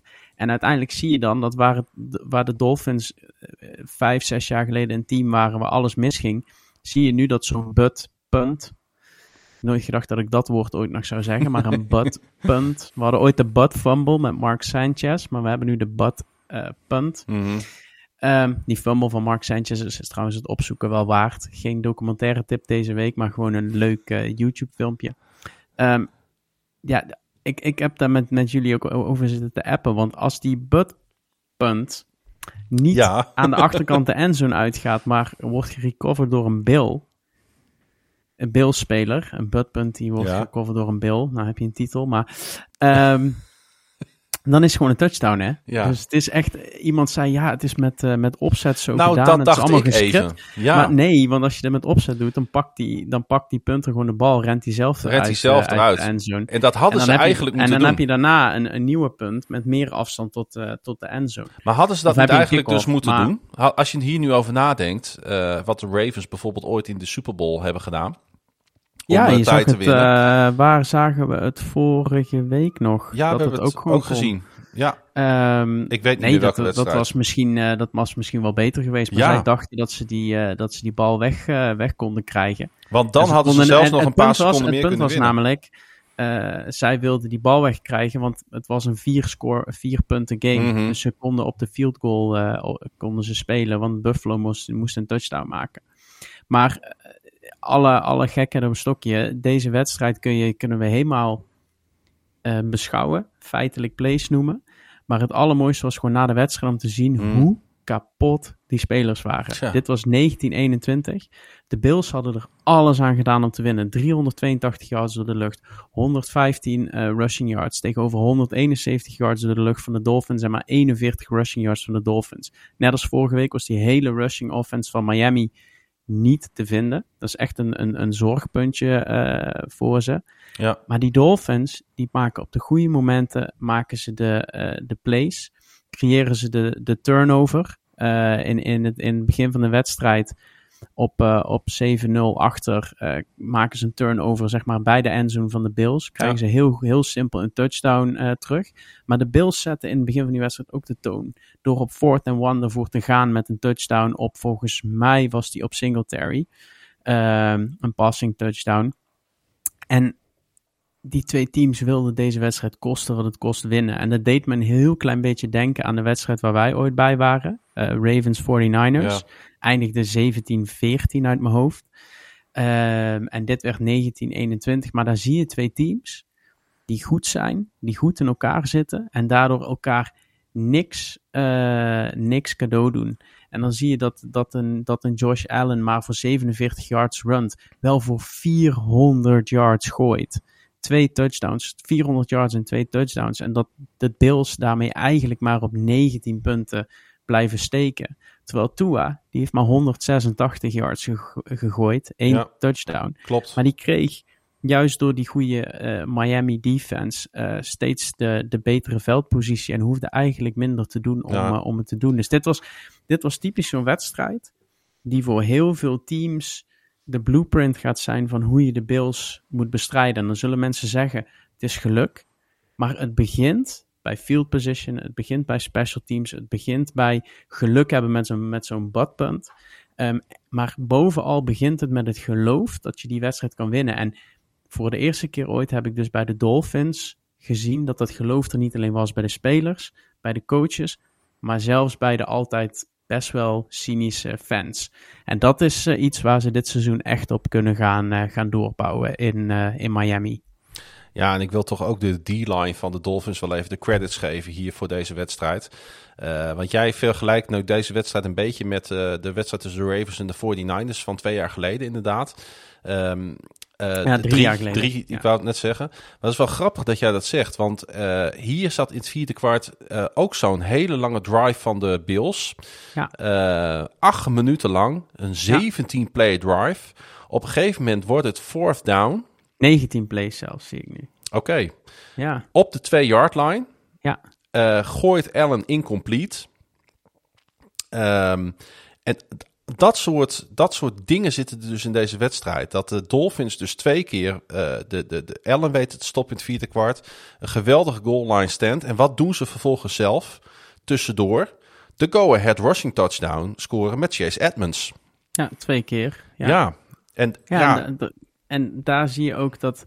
Hun enige uh, score, hè, trouwens, in de tweede helft. Ja, dat klopt. En ze, de, de, hun meeste, hun enige lange drive was dus die 75 yard rushing touchdown. Of die 75 yard uh, drive voor die rushing touchdown. Want die, mm -hmm. andere, die andere touchdown, die uh, was maar voor, volgens mij voor, voor 6 yards. Um, aan het tweede kwart hebben ze ook nog een drive gehad. Maar dat, je ziet dat de, de, Dolphins hadden maar twee, drie drives in die hele wedstrijd. En volgens mij word je dan als Bills word je echt helemaal gek. Ja. Want je gaat nu wekenlang ben je eigenlijk weer bezig met, met het terugkomen, ook in die divisie, na zo'n uh, zo'n nederlaag. Ja, deze telt dubbel en die komt wel, uh, wel even aan. Ik denk wel dat dit alle munitie is die de Bills nodig hebben om later dit seizoen, als de Dolphins naar Buffalo uh, komen, daar mm -hmm. helemaal klaar voor te zijn. Maar dit was, dit was voor, voor mij, was dit de wedstrijd van de week. Ja. Uh, want dit zijn twee teams die er nu staan. En dat, dat, ja, geweldig, geweldig om naar te kijken. Omdat ze het ieder op hun eigen manier deden, maar wel trouw bleven aan waar ze, waar ze voor staan. En, en elkaars uh, uh, zichzelf in, een, in, hun, in hun kracht probeerden te zetten. En dat is bij Buffalo de offense. En dat is bij Miami. Dat klinkt misschien raar na vorige week. Maar de Miami defense heeft deze wedstrijd voor ze, voor ze gewonnen. Ja. En, dat, dat is ook, en daar hadden we het vorige week ook over. Uh, als je wedstrijden op verschillende manieren kan winnen, um, dan ga je ver komen in de, in de NFL. En dat laat Miami nu uh, eigenlijk ook, uh, ook zien. Ja, en de Bills die hebben natuurlijk te maken met toch wel een behoorlijke waslijst aan blessures, onder andere ondertussen. starting safety Mika Hyde, die speelt op dit moment niet. Staat uh, op injured reserve met een nekblessure. Cornerback Dane uh, Jackson. Uh, ook een nekblessure opgelopen tegen de Titans. en zo zijn er nog veel meer problemen, onder andere op cornerback. ik denk dat als de Baltimore Ravens, die natuurlijk komend weekend tegen de Buffalo Bills spelen, een beetje naar die waslijst aan blessures zitten te kijken, dat ze ook daar misschien wel wat mogelijkheden zien. Ja, zeker. Uh, de, de, hoe, hoe, hoe, hoe, hoe, vervelend het ook is dat je het moet hebben van ah, blessures ja, van de tegenstander, hè? Dat is, dat is de AFC nu. Uh, Ja. De Bills of de Ravens staan na zondag op 2-2. Mits het Ja. geen gelijkspel wordt na vier wedstrijden. En dan heb je Wat een pot, hè? twee van de drie, twee van de drie eh, beste quarterbacks in de league eh, tegen elkaar. Die allebei de pannen van dak spelen. Want laten we wel wezen, dat, dat deed Josh Allen zondag ook echt wel. Mhm. Ehm, maar als je echt de MVP wil zijn, moet je die laatste bal daar eh, niet, eh, niet te kort laten. En eh, moet je hem eigenlijk, eigenlijk over, moet je die winst eigenlijk binnentrekken. En dat, dat lukt nu nog niet, maar ja, de Bills gaan hier ongetwijfeld van terugkomen. Die, it's a minor bump in the road, denk ik. Ja. Heb je trouwens Sanchez nog zien tweeten? Naar aanleiding van, de, van, van het moment in de endzone? Nee, maar hij is nu ook commentator. En, en bij, eh, bij de Around the NFL laten ze altijd zijn fragmentjes zien. En hij is echt enorm eh, cringe met al zijn grapjes Ja. tijdens eh, de wedstrijd. Dus ik weet niet wat hij nu weer heeft gedaan. Hij, hij tweette eh, over, hè, een paar seconden na dat moment. Wow, stay out of my lane, bro. dat vond ik toch wel heel grappig. Ja, nou iedereen die hem niet kent, even de butt fumble terugkijken van Mark Sanchez. Ja, de Bills dus eh, op bezoek bij de Baltimore Ravens eh, komende zondag. En de Dolphins op bezoek bij de Cincinnati Bengals. Eh hebben we wel twee wedstrijdjes te pakken wat dat betreft, hè? Zo, ja, dat worden mooie, mooie AFC North, AFC East battles. Dus ja, het- het- ja ik, ik durf daar ook nog niet even zomaar te callen wie die, Nee. wie die gaat winnen. Nee, mogen we nog even over nadenken. Ja, wat zal die opluchting trouwens groot zijn, groot zijn in dat eh, Cincinnati waar we het net over hadden. Joe Burrow deed wel alsof hij eh, rustig was in aanloop naar de uitwedstrijd bij de New York Jets. Maar het vooruitzicht van 0-3 voor het team dat vorig jaar in de Super Bowl stond namens de AFC zal voor enkele slapeloze nachten in de jungle hebben gezorgd. Zo kwa- Zover kwam het niet. De Jets waren geen schim van het team dat vorige week nog op heroïsche wijze van de Browns won. Ja, de Jets die eh, toch ook wel dan weer heel wisselvallig zijn, hè? Ja, dat is, eh, eh, met name op, op defense geven ze niet, niet thuis. Nee. En het feit dat Joe Flacco weer 52 pass attempts heeft. En hij staat nu in de top 5 van de meeste passing yards in de NFL. Ja, dat is eigenlijk de slechtst mogelijke stat die je als Jet-fan kan zien. Want als Joe Flacco 50 keer per wedstrijd moet gooien, dan eh, wordt het een, eh, een lang seizoen voor de Jets. Want dan ga je niet veel wedstrijden winnen. Ik zie dat Michael Carter 39 rushing yards had. Ehm, en, en Paxton Berrios minus, eh, minus 2. Tja. Ja, dat- sowieso was het niet de wedstrijd van de rushing yards. Maar de, de, de Bengals eh, hadden eigenlijk een heerlijke middag. En het leek, het, het leek qua eh, wide receiver core een beetje op wat, eh, wat de Vikings deden. Jamar Chase werd door, de, door by far overigens de beste speler van de Jets. Ehm, hoe heet hij nou? De, de first round pick. Wacht, ik heb het hier staan. Zoek het even op, want ik was heel even met techniek bezig.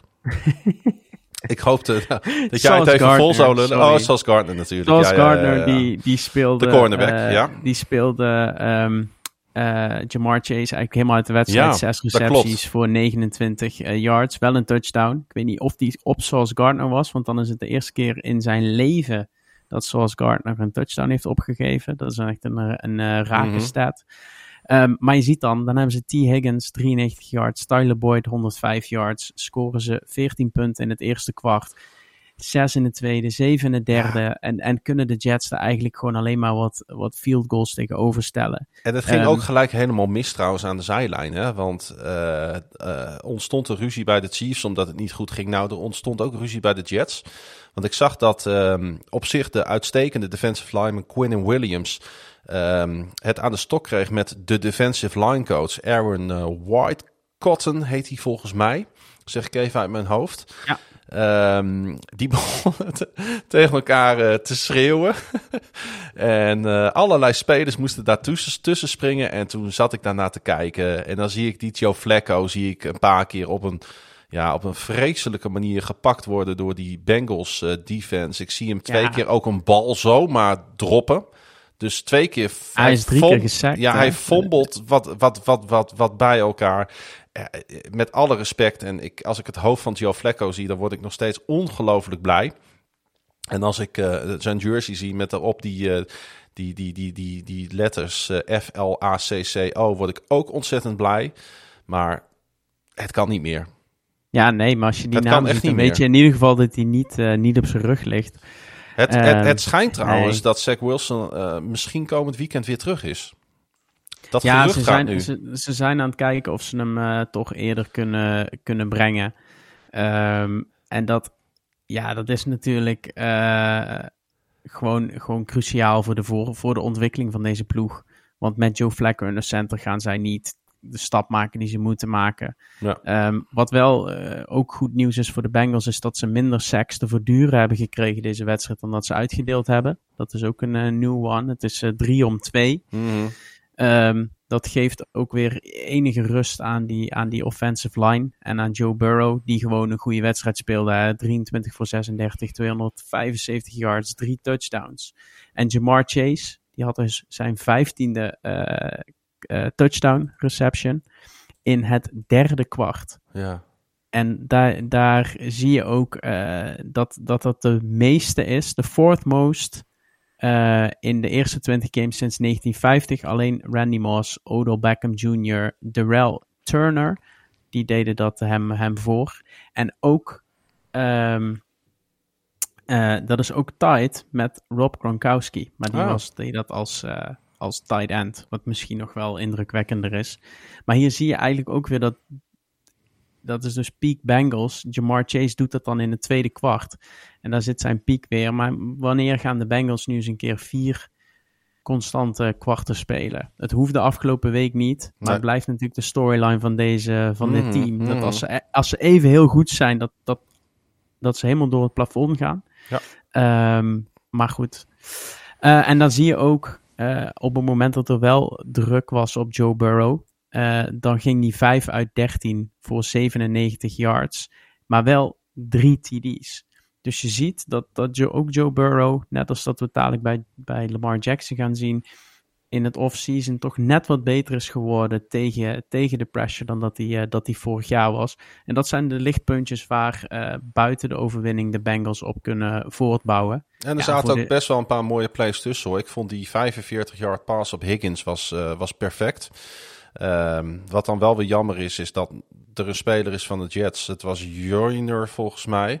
Uh, Joyner, uh, moet ik zeggen, Lamarcus Joyner, die uh, de, de, een helmet to the head penalty tegenkreeg.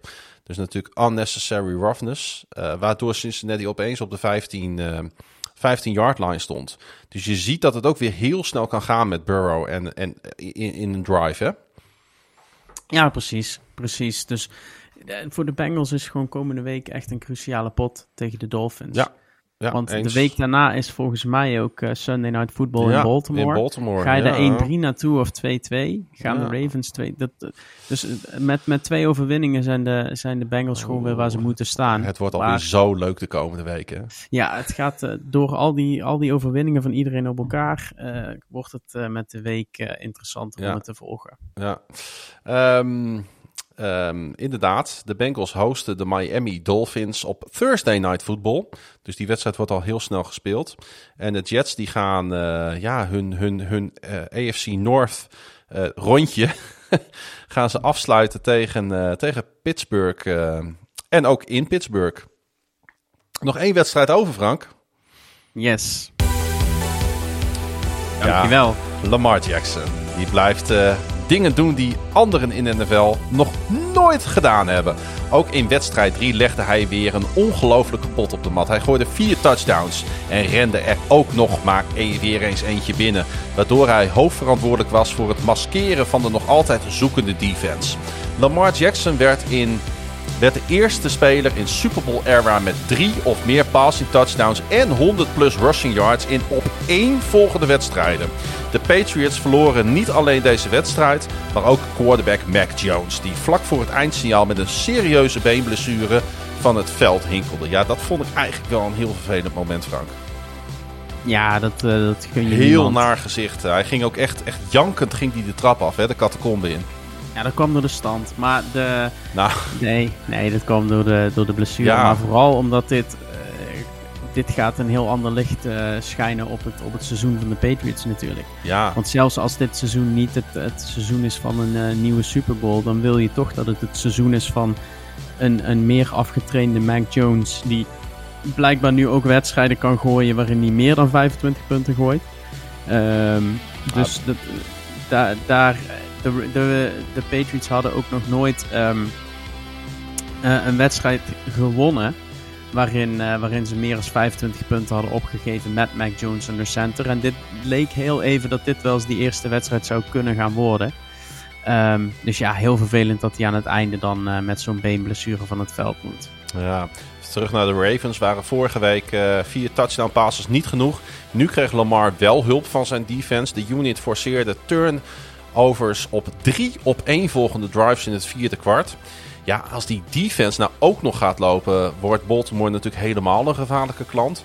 Maar je kunt je natuurlijk ook afvragen: heb je nou echt een elite defense nodig met Lamar Jackson op quarterback en Justin Tucker als kicker? Want zijn 46-yard field goal, de 50ste van zijn carrière van 50 of meer, leek hij bijna achterloos binnen te trappen.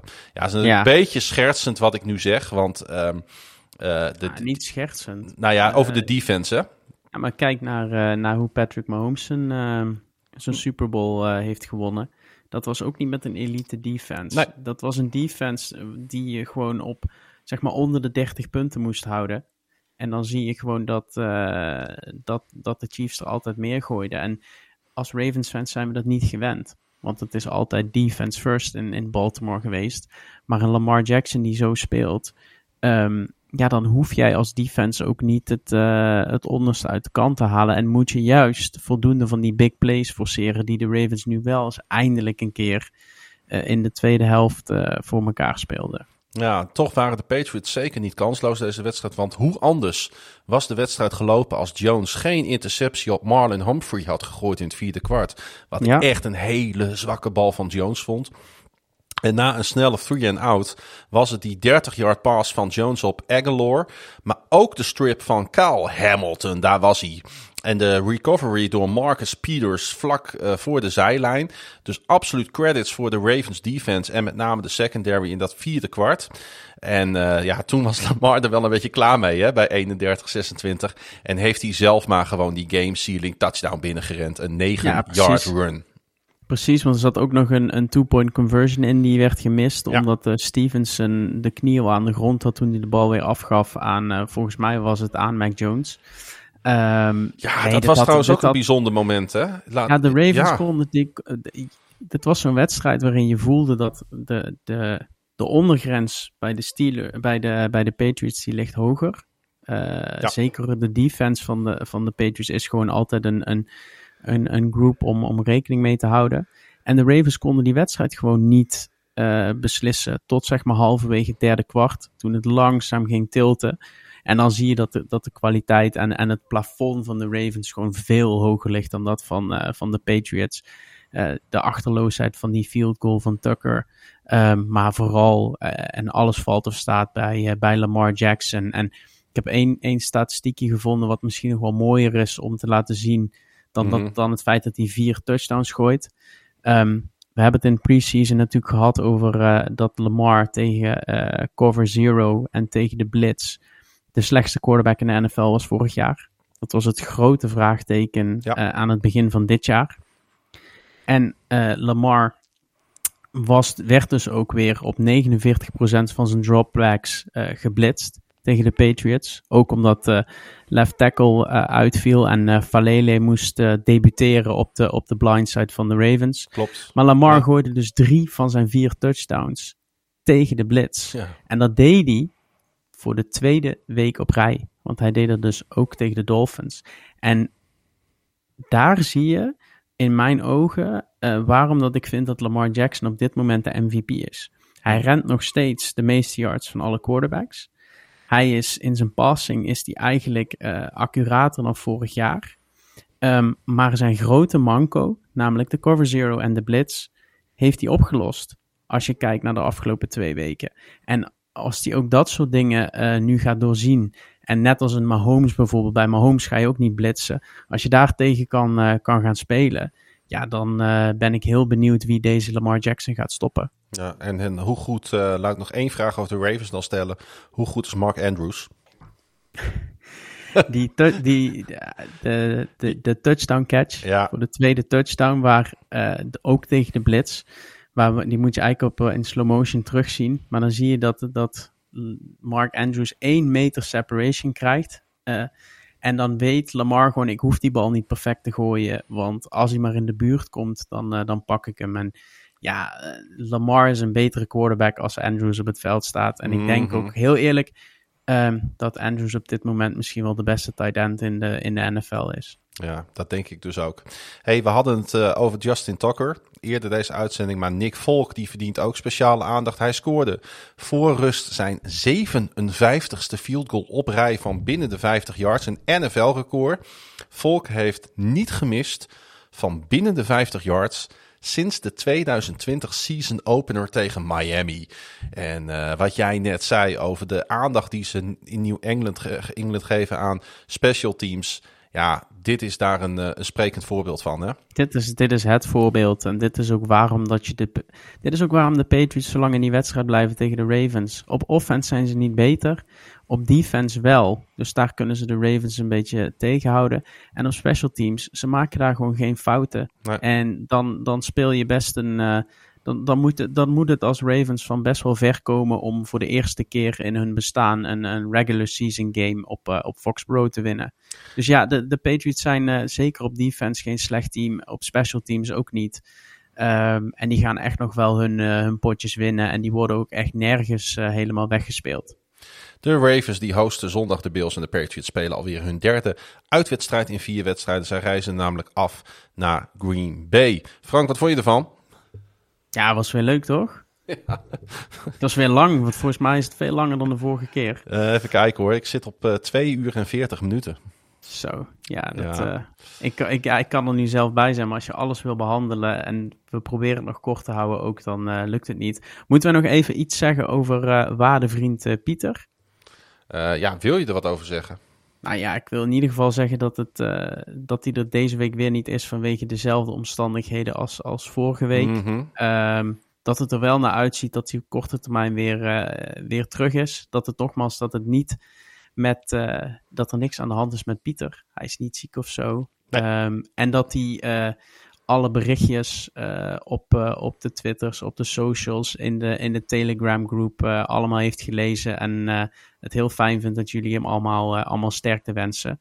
En ja, voor mijn avondrust op de dinsdag, maar vooral voor Pieters ja, Pieters familiesituatie. En, en hopelijk daar een, een, mooie, een mooie afronding van. Hoop ik dat hij uh, het volgende week weer van mij, uh, van mij over kan nemen. Ja, dat, uh, dat hoop ik ook. Um, en dat is niet omdat dat ik het met jou niet prettig opnemen vind. Want je hebt twee keer fantastisch ingevallen, Frank. Alle respect daarvoor.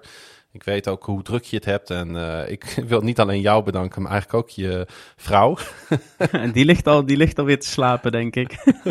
die zal ook blij zijn dat Pieter uh, volgende week hopelijk weer terugkeert in deze ah, nieuwe ja. legendarische podcast.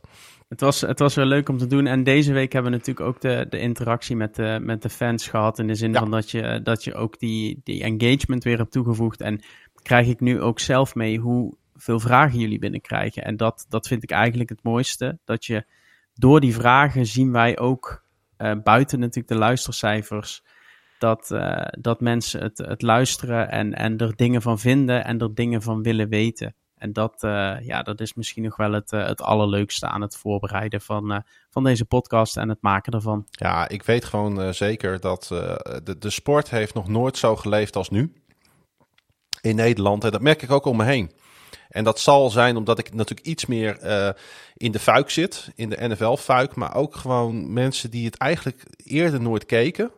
Die zeggen nu van ja, ik zie het voorbij komen, maar hoe zit het eigenlijk in elkaar? Ja. Ik vind het toch wel interessant.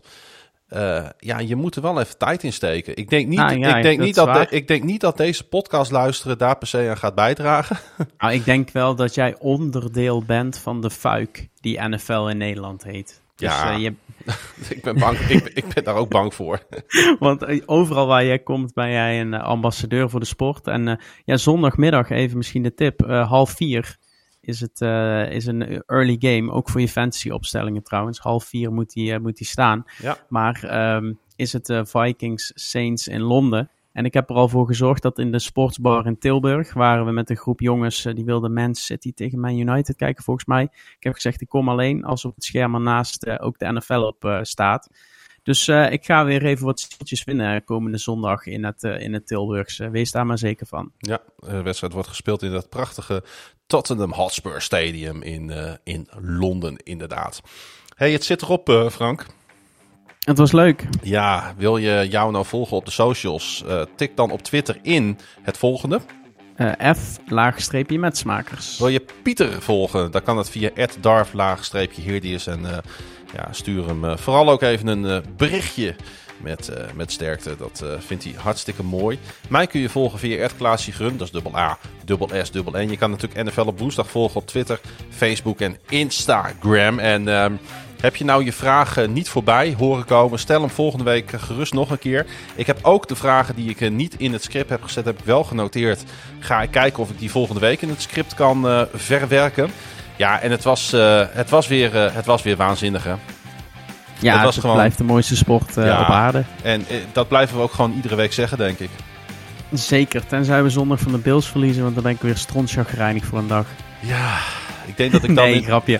Ik denk dat ik die iets beter kan hebben, want daar heb ik hem al ingecalculeerd. Maar uh, daarna moeten, de, moeten de wins wel uh, gestekt gaan worden in Baltimore. Ja, nou, ik denk, ik denk, want het is natuurlijk een vroege wedstrijd, 7 uur. Uh, in Amerika vraagt iedereen zich af, hoe is het mogelijk dat Lamar Jackson en Josh Allen niet op primetime staan? Aan de andere kant, je kunt niet altijd op primetime spelen. En voor ons is het ook wel lekker. Want ik, ik heb nog niet gekeken naar het uitzendschema van ESPN, maar ik kan me niet voorstellen dat dit niet de 7 uur wedstrijd is.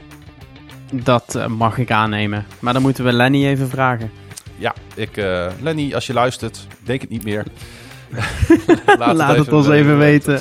Hey, um, uh, ik denk dat dit het moment is om af te ronden, om uh, iedereen te bedanken. Wil je ons steunen? Ga naar onze petje.af pagina nflopwoensdag.nl. Voor een paar euro's per maand kun je steunen en krijg je extra content. Volgende week de 19e van seizoen 3. Maar dit was seizoen 3, aflevering 18. Bedankt voor het luisteren het beste maar weer.